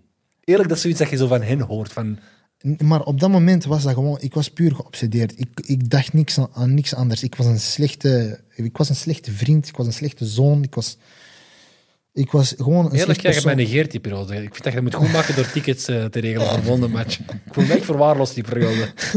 Nee, maar echt, ik was gewoon echt een slechte persoon om rond te zijn. En, eh, en ja, ik heb me gewoon puur gefocust op, op, op, op het halen daar, het halen daar, het halen daar. E- Eerste in de building, last one out. Dus mooi, in ieder geval, ik kom terug voor pre-season. En we hebben testing. Dus testing, we doen looptesten, jumptesten. Maar ik zei, jongen, die jumptesten, zo, dat maakt niet uit. Ik zei, die looptesten. En in Engeland, dat is niet hier in België. In Engeland, die mannetjes die kunnen lopen. Ja, die kunnen lopen, maar echt overdreven. Die, pff. er was, was wat Kick Australië... Rush, dat is niet zomaar die dat zingen. Dat is Die echt... is, eh, er was Australiër bij. Ik ga nooit zijn naam vergeten. Josh Wallen. Die loopt hem eigenlijk. En ik dacht in mijn eigen, ja, ik moet hier eerst staan. Dat kan niet. Dat kan niet dat ik hier niet Ik moet laten zien. Dus ik heb, al val ik op de grond. En dan sommige spelers van de onder 23 dan op dat moment, de betere zeg maar, die vertrokken dan op stage met de eerste ploeg. Ik was daar niet bij. Zeg, oké, dus die testing hebben wij gedaan. Bij elke looptest was ik nummer één. Bij elke looptest was ik nummer één. Was jij voordien bij Lierse? Was je iemand met veel loopvermogen of is het dat jij zelf hebt aangeleerd? Nee, nee, dat is iets dat ik zelf heb aangeleerd. Tot deze dag. Dus bijvoorbeeld, ik weet precies en komt. En nu is dat natuurlijk, nu zitten wij met paarden in de ploeg. Dus dat is, dat is moeilijker om, eh, om eerst te eindigen. Maar ik ben altijd top drie. Altijd top drie. Altijd. karakter, Eh, vooral. eh, dus puur, puur, eh, puur door de Ramadan. door die mentale sterkte door de Ramadan. Veel mensen kunnen dat niet, de Ramadan. Dus ik, door, wij, een beetje door de Ramadan, hebben mentaal iets gecreëerd. Andere, de, andere mensen gewoon die kunnen behandelen. Ehm, en, en door die sterkte ben ik gewoon puur gaan beginnen, beginnen lopen, lopen, lopen. Ik, denk, ik dacht zelfs niet meer aan voetbal op dat moment. En ehm, die kwamen terug van stage. En die moesten Fulham spelen. Fulham. En drie dagen daarna moesten die Reading. En op dat moment waren Fulham en Reading de, de twee beste ploegen in de championship. Dus wat zeggen die eerste ploegspelers? Hey, uh, we're gonna go and play uh, Barcelona, and then after two days after, we're gonna play Real Madrid. What is this? We're gonna get popped. Dus die trainer zegt: Oké, jullie zijn moe van stage. Ik geef jullie rust. Ik pak een paar bij die niet veel hebben gespeeld. En uh, we spelen wel met de, jong, eh, de jongere gasten. En in één keer kreeg ik mijn kans daar. Die eerste wedstrijd tegen Fulham begon ik op de bank, heb ik vijf minu 45 minuten gespeeld. Ik heb die geruineerd. Een van mijn beste 45 minuten tot deze dag nog. Van, Dat was niet debuut. Je debuut was in de beker, hè? nee, nee, maar deze is gewoon de pre-season. Ik praat nog over Pre-season. Ja, eh, dus ehm, in één keer, de drie dagen erop, moesten wij tegen Reading. Maar dat was meer een eerste ploegwedstrijd. Die trainer zegt tegen mij, suit up against Reading, you're gonna go and play. Ik heb 30 minuten gespeeld tegen Reading. Die hebben twee, drie, eh, drie helften gedaan. 30, 30, 30. In pre-season doen ze dat zo, gewoon voor iedereen speelminuten te geven. 30, ik heb de laatste 30 minuten gespeeld. Ik heb de bal niet aangeraakt, maar ik was aan het pressen als een, als een mentaal zieke. Overal. Press, press. En iedereen was zo van, oh, well done Ilias, well done Ilias. Dus die trainer die zag dat ook. Wallahi, dat twee, twee weken later maakte ik mijn debuut voor de eerste ploeg tegen Northampton. Dan heb ik gespeeld tegen, tegen Brentford, de week erop. Ehm, dan heb ik even, dat was in de beker, in de Carabao Cup. Dan was ik fully geïntegreerd in de eerste ploeg. Kreeg ik mijn lokker in de eerste ploeg eh, dingen. Eh, in de kleedkamer van de eerste ploeg. Die trainer heeft mij fully geïntegreerd. Heb ik dan gespeeld tegen Preston in november. En dus, eh, tegen Northampton wij, heb ik gespeeld 25 minuten. Hadden wij gewonnen 2-1. Had ik goed gespeeld. Tegen Brentford ben ik gestart. Hadden wij verloren 4-1 of zo. In de Carabao Cup ehm, had ik eh 75 of 80 minuten gespeeld. En dan tegen, eh, tegen Preston hadden wij 1-0 verloren. De laatste minuut hebben wij verloren. 1-0 hebben wij verloren, de laatste minuut. We waren ehm, 75 minuten met 10 man. En die heeft mij er toch op gelaten. Dus eh, ik, heb, ik heb toen eh, letterlijk 85 minuten ge- gespeeld. We verloren met 1-0. Dan de week later Hadden wij tegen Leeds gespeeld thuis. Hadden we 2-0 verloren. Had ik 45, eh, 75 minuten gespeeld. En dan ineens was het over en out voor mij. Hoorde jij die, al die, al die eh, L's? Verloren, verloren, verloren. Dus die trainer was superstitious. Dus die is naar mij gekomen en die heeft gezegd tegen mij: Je wordt de beste elke wedstrijd. Maar elke wedstrijd die je hebt gespeeld zijn we verloren. dus ik ga je niet meer opstellen. Dat meent jij niet. Wallah. En zo is het in Engeland. Die zijn allemaal superstitious. Ja? Is dat zo, Ja, ja, is die dat zo dragen altijd dezelfde schoenen voor de wedstrijd, dezelfde, dezelfde hoed. Omdat die, ja, omdat die met die hoed promotie hebben gepakt. Ah ja, superstition met die hoed. Oei. En, eh, en moest ik een heel jaar wachten. Tot op het einde. Tegen Birmingham heb ik gespeeld. De, de, de voorlaatste wedstrijd thuis, de laatste home, eh, thuiswedstrijd, heb ik, ben ik gestart. Heb ik gescoord, heb ik eh, assist gegeven. Ben ik man van de wedstrijd geworden, hadden wij 3-1 gewonnen. De week erop hadden wij tegen Leeds gespeeld, de laatste wedstrijd van het seizoen op Leeds. Hadden wij verloren 2-0. Hij is hij na de wedstrijd tegen Leeds naar mij gekomen. Heeft hij gezegd tegen mij: Before pre-season, have a pre-season. You're gonna have a big part next season. Ik zeg. Pff, Ik ga er klaar voor zijn. Moment ben je 20 jaar of 19 jaar. 20. 20. Dan ben ik met 20. Ik zeg: Wee, het is mijn moment. Time to shine. En dus in één keer, ik zie drie weken later, in Holloway got sack. Hij is ontslagen. En ik dacht: ah. Wie komt erin? Steve McLaren. Die Oh nee. die kennen we nog wel, ja. Van Nederland ook Die is ook in Nederland volgens mij kampioen geworden met Twente. Twente. Eh, Twente, ja. Twente, ja. Eh, toen heb ik, op dat moment had ik een, een, eh, een driejarig contract getekend. Toen. Niet meer dan die 250 per week, denk ik. nee, nee, dat niet meer. Ehm, toen, toen had ik een nieuw contract getekend. Ehm, in, in januari, dacht ik. Toen, ja, in januari was dat. Ehm, toen is Steve McLaren gekomen. En iedereen zei tegen mij, Steve McLaren is gonna love you. Dus omdat hij houdt van voetbal. Ja, snap je? Hij speelt voetbal, bla, bla, bla, bij Twente. Dus ik dacht, oké, we gaan zien.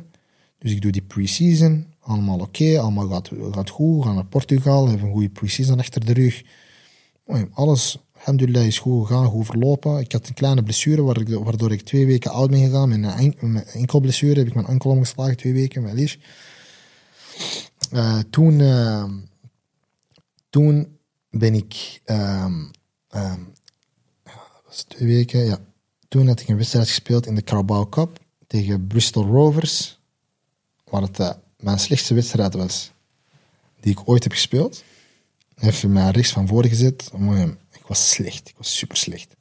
Super slecht. Ik verloor elke bal die ik aanraakte. Dat is ook niet je positie, denk ik, rechtsvoor. Hè? Nee, rechtsvoor is niet mijn Dat positie. echt, eh, Nee, dat is niet mijn positie, maar dan nog. Als je een kans krijgt, moet je die kans Ja. grijpen. Dat heb ik niet gedaan. Maar, sinds die dag heb ik niet meer gespeeld. Die dag heb ik niet meer, ben ik niet meer aan de bak gekomen. Een paar keer op de bank gezeten, maar meestal uit de selectie. Eh, maar ja, niet meer aan de bak gekomen. Januari komt. Ehm, hij wil me op uitleenbeurt sturen. Hij pakt mij in de office. Hij zegt, ik denk dat dat goed is voor je om op uitleenbeurt te gaan voor Erwari op te doen. Dat, ik zeg, oké. Ik, ga op, eh, ik ga op uitleenbeurt. Zo'n Stevenage League 2.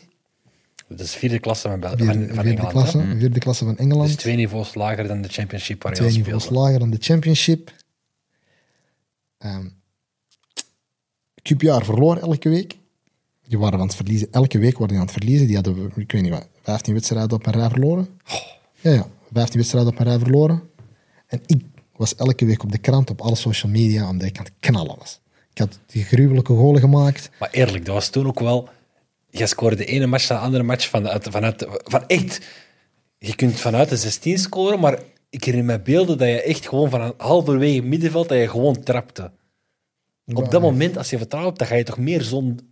Die Ja, bal gaan nee, maar ik had op echt dat- van overal schoten. Ja, had ik had, op dat moment, ik had op dat moment ook een trainer, Dino Mamria. Eh, hij zei tegen mij, dat, was, dat is een Tunesiër, de enigste Afrikaanse trainer in eh, English League. En eh, hij is gekomen eh, onder, onder 23 wedstrijd, Watford tegen QPR. Ja. Hij is komen kijken voor een speler op, op uitneembeurt te nemen van Watford. en ik heb gespeeld en hij heeft gezegd, "Hmm, I like this one. Ehm, maar ik zijn details, ik wil kijken wie hij is. Hup, hup, hup. Laatste, laatste dag van de transferperiode heeft hij gezegd, kom. Dus ik kon, ik, ik kon kiezen tussen Bristol Rovers of Stevenage. Allebei League 2. League Uh, Two. alle twee. eh, nee, Bristol Rovers was League One, maar die waren relegation aan het spelen. Stevenage was middenmoot. Dus Dus heb ik voor Stevenage gekozen op dat moment. Ehm, Heb je zelf, mag je zelf beslissen of is QPR degene die daarmee over beslist? nee, nee, over de die hebben op dat moment, die hebben dat, die hebben dat op dat moment eh, zelf, eh, zelf gezegd tegen mij, kies zelf. Kies. Ja, kies zelf. Bristol Rovers of Stevenage. Maakt niet uit. Les Ferdinand op dat moment heeft gezegd tegen mij, kies maar. Dus ik heb Stevenage gekozen. Maakt niet uit, League 2, zei ik. Maar ik ga niet voor relegation, ga niet voor relegation scrap spelen in League 1. Want in relegation scraps, wat is dat? Ja, als je, eh, ja, dus, dat is gewoon vechten voor je leven. En de trainer heeft vaak, als je in een relegation zit, gaat hij vaak two banks of voorzetten, waar je door, waardoor je niet kunt scoren. En is hij aan het wachten op een, op een eh, set piece of zo. Dus ik heb gekozen voor Stevenage en Moheim. Ik heb die Stevenage helemaal geroend. Dat was, dat was een van de beste tijden eh, uit mijn clubcarrière. Ik ga dat nooit vergeten. Dino Maria zei tegen mij van... eh, eh, just, just, just come back to maar, in shape. But I don't want you to win too hard. Ga gewoon, als, je, als je naar voren gaat, ga gewoon naar voren. Begin gewoon te dribbelen naar voren, begin te trappen, vrije rol. Ga gewoon je ding doen. En toen ben ik gewoon mijn ding blijven doen. Ik weet nog, na wedstrijden, ik zeg tegen hem, ah, coach, I'm gonna go, I'm gonna go to, to, uh, to Belgium. I haven't seen my family for a while. Hij zegt zo, oké, how many days you want off? Ik zeg, als 20, als, uh, 20 21-jarige gastje. En ik zeg, uh, I don't mind. Oké, I'll see you Thursday. Make sure you turn up on, on, on, on Saturday. Ik zeg, oké, uh, don't tell me twice. En ik zeg, oké, En ik ben weggegaan. En mooi, het was een hele, hele leuke periode. Je praat er nu heel casual over en dergelijke. En eh, oké, dat is logisch dat je qua talent daar gaat meedraaien. Maar je bent een meter 58. Ik ben Championship. meter- Ja, wow, wow, wow, Klopt dat niet? Dat dat de staat grootste, overal. dat is de grootste leugen die er bestaat. Ja, vertel, in de, vertel in de camera. Dat is de grootste leugen die er bestaat. Oké. Ik ga deze met een straight face zeggen. Ik ben geen meter 58. Ik ben een meter 71. Dat meen je niet. Holla. Kiefish is dus... Maar op 2K waar je dan eigenlijk... Iedereen was aan het zeggen van dat je de kleinste speler op 2K eigenlijk bent, dat klopt dus dat niet. klopt heel. Ik was niet eens de kleinste speler in de, in de selectie. Wie is de kleiner? Uh, Yahya is veel kleiner dan mij. Ja, Allah, wel. Holla. Kiefish, hoe komt het dan dat... eh, Allah alam. In- Ja, misschien dat het vanuit was het bij- Engels hebben ze andere maten. Nee, nee, nee. natuurlijk, nee. dat het Ik was bij eh, Lierse. Allereerste keer dat ik mijn eerste professioneel contract had getekend bij Lierse was ik een meter 58. Waar is 16? Ja. Ik was 16 jaar op dat moment. En dat is zo op Wikipedia gebleven. En, dat is, eh, en mensen zijn er gewoon mee gaan lopen. En nu denkt iedereen, ik ben een meter 58. Dat meent je. Dus eigenlijk ben je even groot als Messi. Of niet groter als Messi, is ik ben, meter ik ben even 70. groot. Ja, ik ben... Ik ben ik, ja, ga je kijken naar foto's. Ik sta, na, na, ik sta naast Luka Modric. Ik ben zelfs groter Ja. dan Luka Modric. Oké, dus... eh hey, jullie hebben het gehoord, hè, mensen? Als iemand de Wiki Put some respect on his name. Ik ga, dat ik ga eens kijken of ik kan aanpassen, de Wikipedia. Ja, ik zal honderd keer proberen. Ja, was- Nee, niks? nee, niks gelukt. Het verandert Maar- altijd. Maar los daarvan, qua lichaamsbouw en dergelijke, dat is niet de lichaamsbouw voor League 2. wa- Want Championship is fysiek, maar ik kan me inbeelden dat League 2 nog minder wordt gevoetbald. Er wordt niet gevoetbald. Ik moest mijn hele spel aanpassen aan, eh, aan, aan ja, kick en rush eigenlijk. Ja, een, beetje beginnen, een beetje beginnen leren hoe dat het is eigenlijk. Trainer die Steve McLaren had wel gelijk een beetje. In, Goeie leerschool dan. Ja, eh, in een beetje in het, in ervaring opdoen. eh, om echt mannenvoetbal te spelen, waardoor mensen die, die echt eh, werken voor hun geld, die elke winbonus betekent iets voor hun, zeg maar. Dat is niet zoals in de championship. In de championship verdienen die genoeg. Hun, hun basic salary is al genoeg voor, eh, voor een heel land mee te voeden. Dus die winbonus maakt niet veel uit. Hij heeft gezegd tegen mij van, kijk, je gaat daar met mannen spelen die echt elke week willen winnen voor die winbonus en, en alles en nog wat. Dus ga daar, ga een beetje ervaring op doen. Hij heeft gelijk gehad uiteindelijk. Achteraf gezien heeft hij wel gelijk gehad. Hij heeft heel veel, heb ik heel veel geleerd daar. Heb ik leren vechten daar. Heb ik leren, niet vechten fysiek, maar heb Ja, ik leren ja, vechten in het voetbal. En, eh, en heb ik ook een beetje mijn spel kunnen aanpassen aan, aan, aan hoe, hoe, dat het, eh, hoe dat het eigenlijk is als je lang, lange voet, allee, met een lange bal speelt. En de second De ball tweede bal, de tweede bal is echt... Ja. Dus ja, het is altijd gewoon ja, een beetje gokken op die tweede bal. Waar komt hij in het middenveld? Oké, brengt hij brengt hij naar beneden, begint dan te, te, te dribbelen. Da, da, da, da, da, da. Ja, uiteindelijk ook een beetje geluk gehad met, eh, met een aanvaller die, die mijn, mijn voorzitter wel binnenkopte. Maar, ja, dus. QPR speelt nummer 10. Hoe dat ik u nu ja, zie en hoe ik u ken, ben je iemand die wel met druk om kan gaan, maar dan nog voor een club als QPR met die nummer 10 spelen, dat, is, dat, dat neemt wel... Dat betekent iets. Dat was de als, eerste ik naar een volgende, als, ik, als ik naar een volgende club ga, inshallah, moet ik ook nummer 10 hebben. Dat is, je houdt van die druk. Of, of- want dus- nummer 10 is overal waar je komt. Is dat, oké, bij Marokko was dat iets minder. Zarour heeft nummer 10 gekregen, maar ik denk dat dat ook was ter vervanging van, eh Amin. van Emin Herrit, die normaal gezien die nummer zou hebben. Maar doorgaans, nummer 10 is een nummer dat een bepaalde verantwoordelijkheid met zich meedraagt.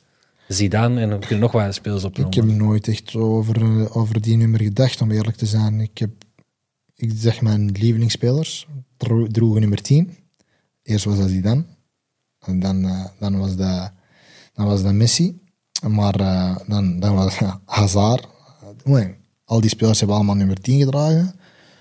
En, eh, en ja, ik, ben ook altijd, ja, Vroeger in Mechelen noemde die mij Messi, maar ja, dus, dus ik had altijd al die, die, die tien bij me. Die tien was altijd al in mijn hoofd. En, en eigenlijk heeft dat, heeft dat niet, geen, niet echt een, waarde voor mij, zeg maar, een rugnummer. Ik weet dat voor veel mensen, ja, is veel druk. eh, en zeker ook in Marokko, de nummer, nummer 10 moet in Marokko, eh, allee, is uh, Asherat al-Maghrib. Ja, uiteindelijk, achteraf gezien, Wallah, is niks, die nummer. Dus die Dat is 13, niet- had, die 13 had geen betekenis voor u. Die had op die die 2K. 13, het ergste van al. de- eh, weet je, de 13, eigenlijk, ik wou die 13 niet. Oké. Die 13 wou ik niet. Ik wou, ik wou nummer 10. Dus die wij zegt, eh, te fou quoi toi. Dan zegt hij mij, quoi toi. En ik zeg, oké, ik ben al blij met eh, dat ik ga spelen. Dus Ja, geef mij gewoon uit. een nummer, bismillah. En, en we gaan. En toen zeiden die, eh, die eh, الماتريال مانا ديرتين. ديرتين واش كتفلى عليا ولا؟ آه، ديرتين. واخا كنا ديرتين دون. كذا كي نيكلاس بيل ما ديرتين. ولا باش باش باش كومنيو بديت برها. زيك تيك ما ديرتين. واش كنقول له كتفلى عليا ولا؟ زيك مالك. ديرتين ما عرفتش شكون كان عنده ديرتين. قلت له لا شكون كان عنده ديرتين؟ ما كنعرف حتى واحد ما كان عنده ديرتين. آه حسن كويريد المغرب كان عنده ديرتين.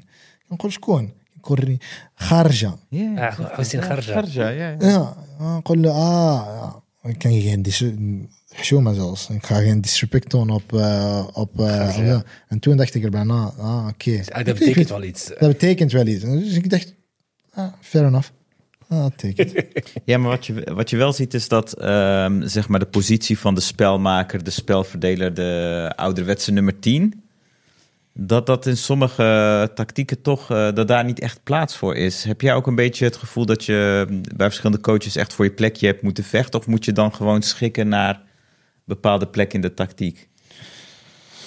Ehm, ja, ik heb, ik, heb toch heel, ik heb toch heel wat coaches mee, mee gehad op dit moment. En het, is, het, is, het verschilt. Het verschilt van coach tot coach. Sommige coaches, ja, moet je, moet je vechten voor je plek. Bijvoorbeeld Steve McLaren was ik met de aan het vechten voor mijn plek. Dus hij speelde in de 10, ik speelde in de 10. Wie was het? Eze. Ah ja, van eh Crystal Ja, Palace. van Crystal Palace. Dus hij speelde in de 10, ik speelde in de 10. Eh, we waren alle twee jong. Dus ja, we, ik, we moesten vechten tegen elkaar op dat moment. Bij een Holloway was ik degene die dan eh, de strijd de, won. de, de strijd won. Bij Steve McLaren was hij degene die de strijd won. Dus ja, het was een beetje, het was een beetje ja.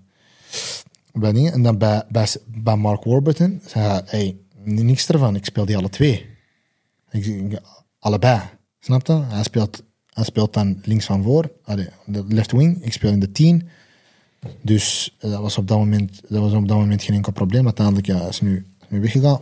En voor de rest heb ik nooit echt, concurrentie gekend. Maar bij Marokko, op dit moment, is het. Bij, bij Greggy is het. eh, Respecteer zijn tactiek en wees maar goed in wat hij wilt. Want het gaat niet echt om concurrentie voor je plaats. Nee, het gaat om meer. Bent jij, de beste op, dat, eh, op wat hij vraagt? En dat maakt niet uit hoe goed jij bent in je eigen kwaliteiten. Behalve als een een Messi of Ronaldo bent, die 50 golen per seizoen maakt. Maar het gaat om wie doet het beste job in wat ik vraag. Wie doet dat het beste? En die spelers spelen dan. En dat wordt wel onderschat, denk ik. Ik denk dat in dat systeem van Regragui, dat jij op die positie van linksvoor wel een meerwaarde kan hebben door ook die pressing en dergelijke dat je in je spel hebt. En dat loopvermogen, dat je er wel Ja, in hebt. ik denk, ik denk ook een beetje dat hij zelf, dat hij zelf aan het zoeken is. Waar kan ik hem het beste zetten? Snap je? Kan ik hem, zet ik hem meer in, de, in, de, in het middenveld, in die, in die achterrol, in een van die vier dan? Of zet ik hem meer links? Dus hij is zelf ook een beetje aan het zoeken, which, uh, ik helemaal begrijp. Snap je? Ja, ja. Dus hij is de trainer, hij beslist aan het einde van de dag. Ik probeer gewoon mijn best te doen, waar hij mij ook zet. Dus ehm, dat is ook een beetje de story of, of, of van mij geweest. Want niemand speelt echt met een, met een natuurlijke nummer 10. Maar Ja, dat dus bedoelde ik. ik. Moet, ik moet wel, Ja. ik moet wel eh, eh, een beetje aanpassen aan de trainer. Dus als hij mij zegt, ja, je moet links spelen, ja, dan zal, ik, ben, ik ben geen links, ik speel niet links voor, maar ik moet wel daar mijn, mijn best doen. Best- mijn beste positie is echt gewoon die natuurlijke nummer, nummer 10 rol. Ehm, Maar ik heb jou ook wel vaak van op links, hè? Dat je Altijd, altijd, van op altijd, links komt. Af en altijd. toe op 10 heb ik gezien dit seizoen. Zo één Ja, of twee matchen dat je maar, zo eh, echt op 10. bij Mi- Michael Bill speelden wij met twee 10 en dan één nummer 9. Ja. Dus eh, we speelden niet echt met wingers. We speel, hij wou dat Ja. onze twee wingers eigenlijk in het midden bleven. Snap je? Die een beetje vrije rol hier. 4-3-2-1 dan zo. Ja, ja. Ja.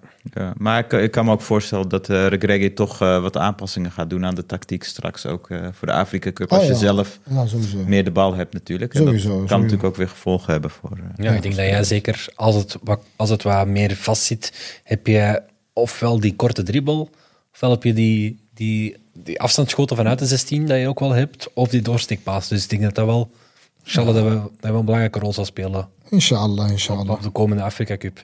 Ehm, we hadden ook nog wel wat vra- kijkersvragen voorzien, maar we zijn redelijk lang bezig. Dus ik denk, niet dat, ik denk dat misschien beter eh, voor een volgende, volgende keer... De, moet je, we hebben een excuus dat je nog eens kan terugkomen voor de volgende keer. probleem, Gewoon eens even kort, een paar korte dilemma's te zetten. Jij nog een eh, topic hebt dat je daar nog wel aankaarten? Nee, we hebben redelijk veel eh, besproken. Ik ben blij dat je heel openhartig ook vertelt. eh, dus dat, dat, eh, dat is mooi. Dus eh, misschien kunnen we dan afronden inderdaad met de dilemma's. Oké, maar je, moet, je mag niet nadenken. Je moet gewoon meteen antwoorden. Oké, Oké? ja. Barça of Real? Barça. Messi of Cristiano? Messi. Met Messi of met Cristiano samenspelen? Messi. Winning goal maken in de Champions League of winning goal maken in de finale op 2K? WK. Afrika Cup winnen met Marokko of de Premier League winnen? Afrika Cup. Goal of een assist? Goal. Op 10 of op 11? 10. Afstandsschot of een dribbel? Afstandsschot. Greg of Guardiola? Regregi. Ziyech of De Bruyne? Zie je. Oké.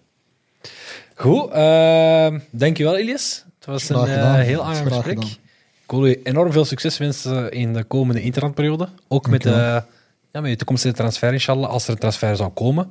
Maar gewoon je, je toekomstige carrière. Ehm, en eh, maak, ons, maak ons trots. Ik zeg het, jullie hebben ons enorm trots gemaakt, maar de Afrika Cup, de komende Afrika Cuppen, zijn Ik cruciaal. weet het. Marokko vergeet snel, ik weet dat. Nee, nee, we vergeten niet, maar we, we zijn nu, we zijn nu verwend. We ik zijn heb- nu ver- ik- dat is vertrouwen. Nou, ik heb een anekdote, want ehm, eh, die maandag, zeg maar, na dat WK hadden jullie ehm, eh, natuurlijk eh, de huldiging in Marokko zelf en het bezoek aan de koning. En eh, nou ja, goed, ik moest die dag ook, ehm, had ik ook een andere opdracht, dus ik, ik kon dat niet live op tv volgen. Dus ik, ik zet in de familiegroepsapp van, joh, kan iemand het voor me opnemen? En mijn broer die reageert zo van, ja, maak je geen zorgen. Eh, dit moment gaat waarschijnlijk de komende 36 jaar elke dag weer Ja. getoond worden. Dus met andere woorden, ja, over 86, 36 jaar. En, en dit zal ook wel lang genoeg en de waardering zal er zijn. En wat ik nog wilde zeggen is, weet je, in de eredivisie zijn er ook mooie clubs. Dus eh, wie weet dat we ja, daar gaan Wie zien. in weet, wie weet. De divisie is zeker mooi, ja. Maar besef gewoon echt wat voor impact dat je hebt gehad op... Ik zeg het, mijn moeder, die niets met voetbal had, heeft elke wedstrijd gekeken. Die heeft Ja, ja. alles opgezocht over jullie. Dat is Ja, echt een heel... eh nicht, familieleden, iedereen stond achter jullie en heeft zich echt verdiept. Ja, ja. Ik kreeg opeens vragen, wat is offside? En eh, als we nu winnen over wedstrijden, moeten we dan spelen. Opeens interesse van... Eh, gaat het de- gaan jullie deze zomer naar Marokko? Inshallah, ja. Ja, het gaat Ik druk kom, zijn. ik kom misschien... eh, ik kom misschien ofwel de inlandperiode die jullie hebben, ofwel eh, de Afrika Cup onder 23 toch wel één of twee wedstrijden meepakken. Dat is nu Vakantie niet? komende maand. Vakantie? Vakantie waarschijnlijk gaat niet. super Ja, ja. Of, door deze hele WK, ik heb, ik persoonlijk heb mensen gewoon van, van, vanuit eh, Engeland die vragen, ah, waar kunnen we het beste gaan eten in Marrakesh, waar kunnen we het beste gaan eten in Tanger, waar kunnen we... Ik zeg u, door die hele WK-gedoe is gaat Marokko de deze kaart zomer echt. eh, gewoon boomstevol zitten. Ik heb nog één vraag dat ik wou stellen. Eh, of het zijn, het zijn drie vragen eigenlijk, maar korte. Ehm, wie is de beste speler die je ooit mee hebt samengespeeld? Oef. Dat moet niet per se van Marokko zijn, dat mag van alles zijn. Hè? Samengespeeld. Ja. Eh wow. Nu vraag je me daar iets. Hmm. Je hebt natuurlijk, natuurlijk heb je Hakim, Hakim Ziyech. Je hebt Ashraf. Eh, je hebt Ebere. Ja. Ebere, groot talent. Ik zou zeggen die drie. Een tegen? Tegen Kante. Dat is nou gezegd, hè? Eh, Ja? Omwille van zijn loopvermogen? Of, of, of- eh, we hebben tegen we hebben met QPR een, een, een vriendschappelijke wedstrijd gespeeld op Stamford Bridge. Dat was tijdens de COVID-periode. Ehm, dus eh, mooi, ik speelde gewoon met de, met, de, met de hele ploeg, de vaste elf. Dat was nog juist voordat Hakim zijn transfer maakte. Dat was die zomer dat Hakim zijn transfer maakte, maar dat was zo tijdens die corona-transitie. Ehm, we moesten die wedstrijden nog afmaken, dus we hadden een kleine pre-season, zeg maar, eh, in, in, in Engeland dan. Maar we speelden tegen, tegen Chelsea. En ik, ik kreeg de bal. Dus voordat ik de bal krijg, ik kijk rond me. ik kijk rond me, ik zie Kante, die is, hey, die is ginter. Ja. Ik zeg, ja. Als ik die bal krijg, ik ga die zo controleren, ik weet al naar waar ik ga. Dus ik krijg die bal, ik kijk, hij is ver. Dus ik denk, ja, ik kan hier gewoon rustig draaien, ik ben alleen. Ik draai, hij was recht hieruit. Gewoon, paf. De, Oerlijn, mijn kaart. Je, ik had een, ik had een Billy gekregen. Echt? Ja, een Billy, zo'n Billy tegen mijn kaart. Ik valde op de grond. Ah, hij kwam naar me. Hey, ah, I'm sorry, I'm sorry. I'm sorry. Goeie gast toch? Ja, heel goeie gast. En, eh en mooi. De hele wedstrijd, ik had geen bal aangeraakt. maar dat was echt 0 verloren. Ehm, Brian Suarez, je hebt het gehoord, hè? Want eh, hij basht altijd op uh, Kanté, zegt dat hij een marathonloper is en ik kan voetballen, maar ik heb nu gehoord van iemand die op veld tegen hem Weet je dat. Kanté nooit, nooit, nooit qua gewoon eh, lopen, ehm, zo conditie, con- conditie ehm, Goeie testen heeft, of de hoe is dat? testen, hè? ja, die conditietesten. Hij is nooit in de top. Dat is gewoon puur op karakter. Eh, eh, is- maar sommige mensen op het veld, dus bijvoorbeeld Sofiane Amrabat, dat, hij ligt gewoon 13, 14 kilometer af in een wedstrijd, omdat hij, omdat hij gewoon veel gaten ja. slaat en veel Anticiperen. ja, anticiperen. En, en, en hij kan gewoon sneller ergens geraken, waardoor je denkt dat, oh ja, het is niet normaal, hij blijft maar lopen. Hij weet gewoon ook wanneer hij zijn rust moet pakken. En, en, ja, ja. Dus ja, Kante, eh, Hazard. Hazard eh, had niet veel zin om te spelen die wedstrijd, maar hij had gewoon één actie normaal, gedaan ja. waardoor hij had gescoord. Dat dat was ook tegen Chelsea. Ehm Eén actie van de middenlijn, hij heeft vijf spelers gedrild, had gescoord. Hij is, Conte heeft hem naar binnen gestuurd. Ehm, en eh, Fabregas. Ja? Voetballend dan wel. Brr. Dat is niet normaal. Die, dat was niet normaal. Die gaf, die gaf een pas aan... eh ik denk dat het aan Michi Batshuayi of aan Alvaro ah, Morata was. Maar het, in Cobham, die velden zijn super... Allee, die zijn zijn goede velden, dus die zijn allemaal heel nat. En die bal die gelaat gewoon verder. Maar hij heeft die wat spinning gegeven, waardoor die bal gewoon is gestopt. En, en juist in de pad van, van, van eh, eh, Morata, die had gescoord, of Batshuayi, ik weet niet meer wie. Maar. Anyway, dat is niet normaal. Die mocht ook een tijdje bij Chelsea nooit spelen. Enkel als ze achter stonden, kwam hij erin om zo de gaten te creëren en zo te pas te geven aan Costa. Ja, ja. Oh, ja, ja, en natuurlijk ook. Je hebt Modri- Modric en Kovacic op 2K natuurlijk. Eh, die, die zijn ook niet normaal. Die verliezen geen bal, dus... Oké, nee, Chokran Besef. Nee, nee, Geniet van je vakantie. Heel veel succes in de komende interlandperiode. En eh, zoals ik al heb gezegd, we zijn nog wat kijkersvragen te goed. Dus eh, je moet nog eens terugkomen, Ja, inshallah. sowieso. Komt sowieso in orde. Komt sowieso in orde. Shukran. Shukran, uh, Mustafa. Dankjewel. Graag gedaan, leuk om er te zijn. Ja. sure. Oké. En eh, ja, al de rest, jullie weten wat je moet doen. Liken, eh, subscriben. Ehm, zoals jullie ondertussen al weten, zijn we nu te beluisteren op de kanalen van Koelkast. En ook op Koelkast is er heel wat Ja, kan je heel wat weten over, eh, over- heel wat video's bekijken over het eh, voetbal. Gaande van een Champions League eh, show tot een naamloze voetbalshow waarin het eigenlijk over het Belgisch voetbal, maar ook Europees voetbal kijkt. Dus ook de Marokkaanse voetbalsupporters, kijk gerust even de andere video's op Coca Sport. Dankjewel en tot de volgende. Beslemmen.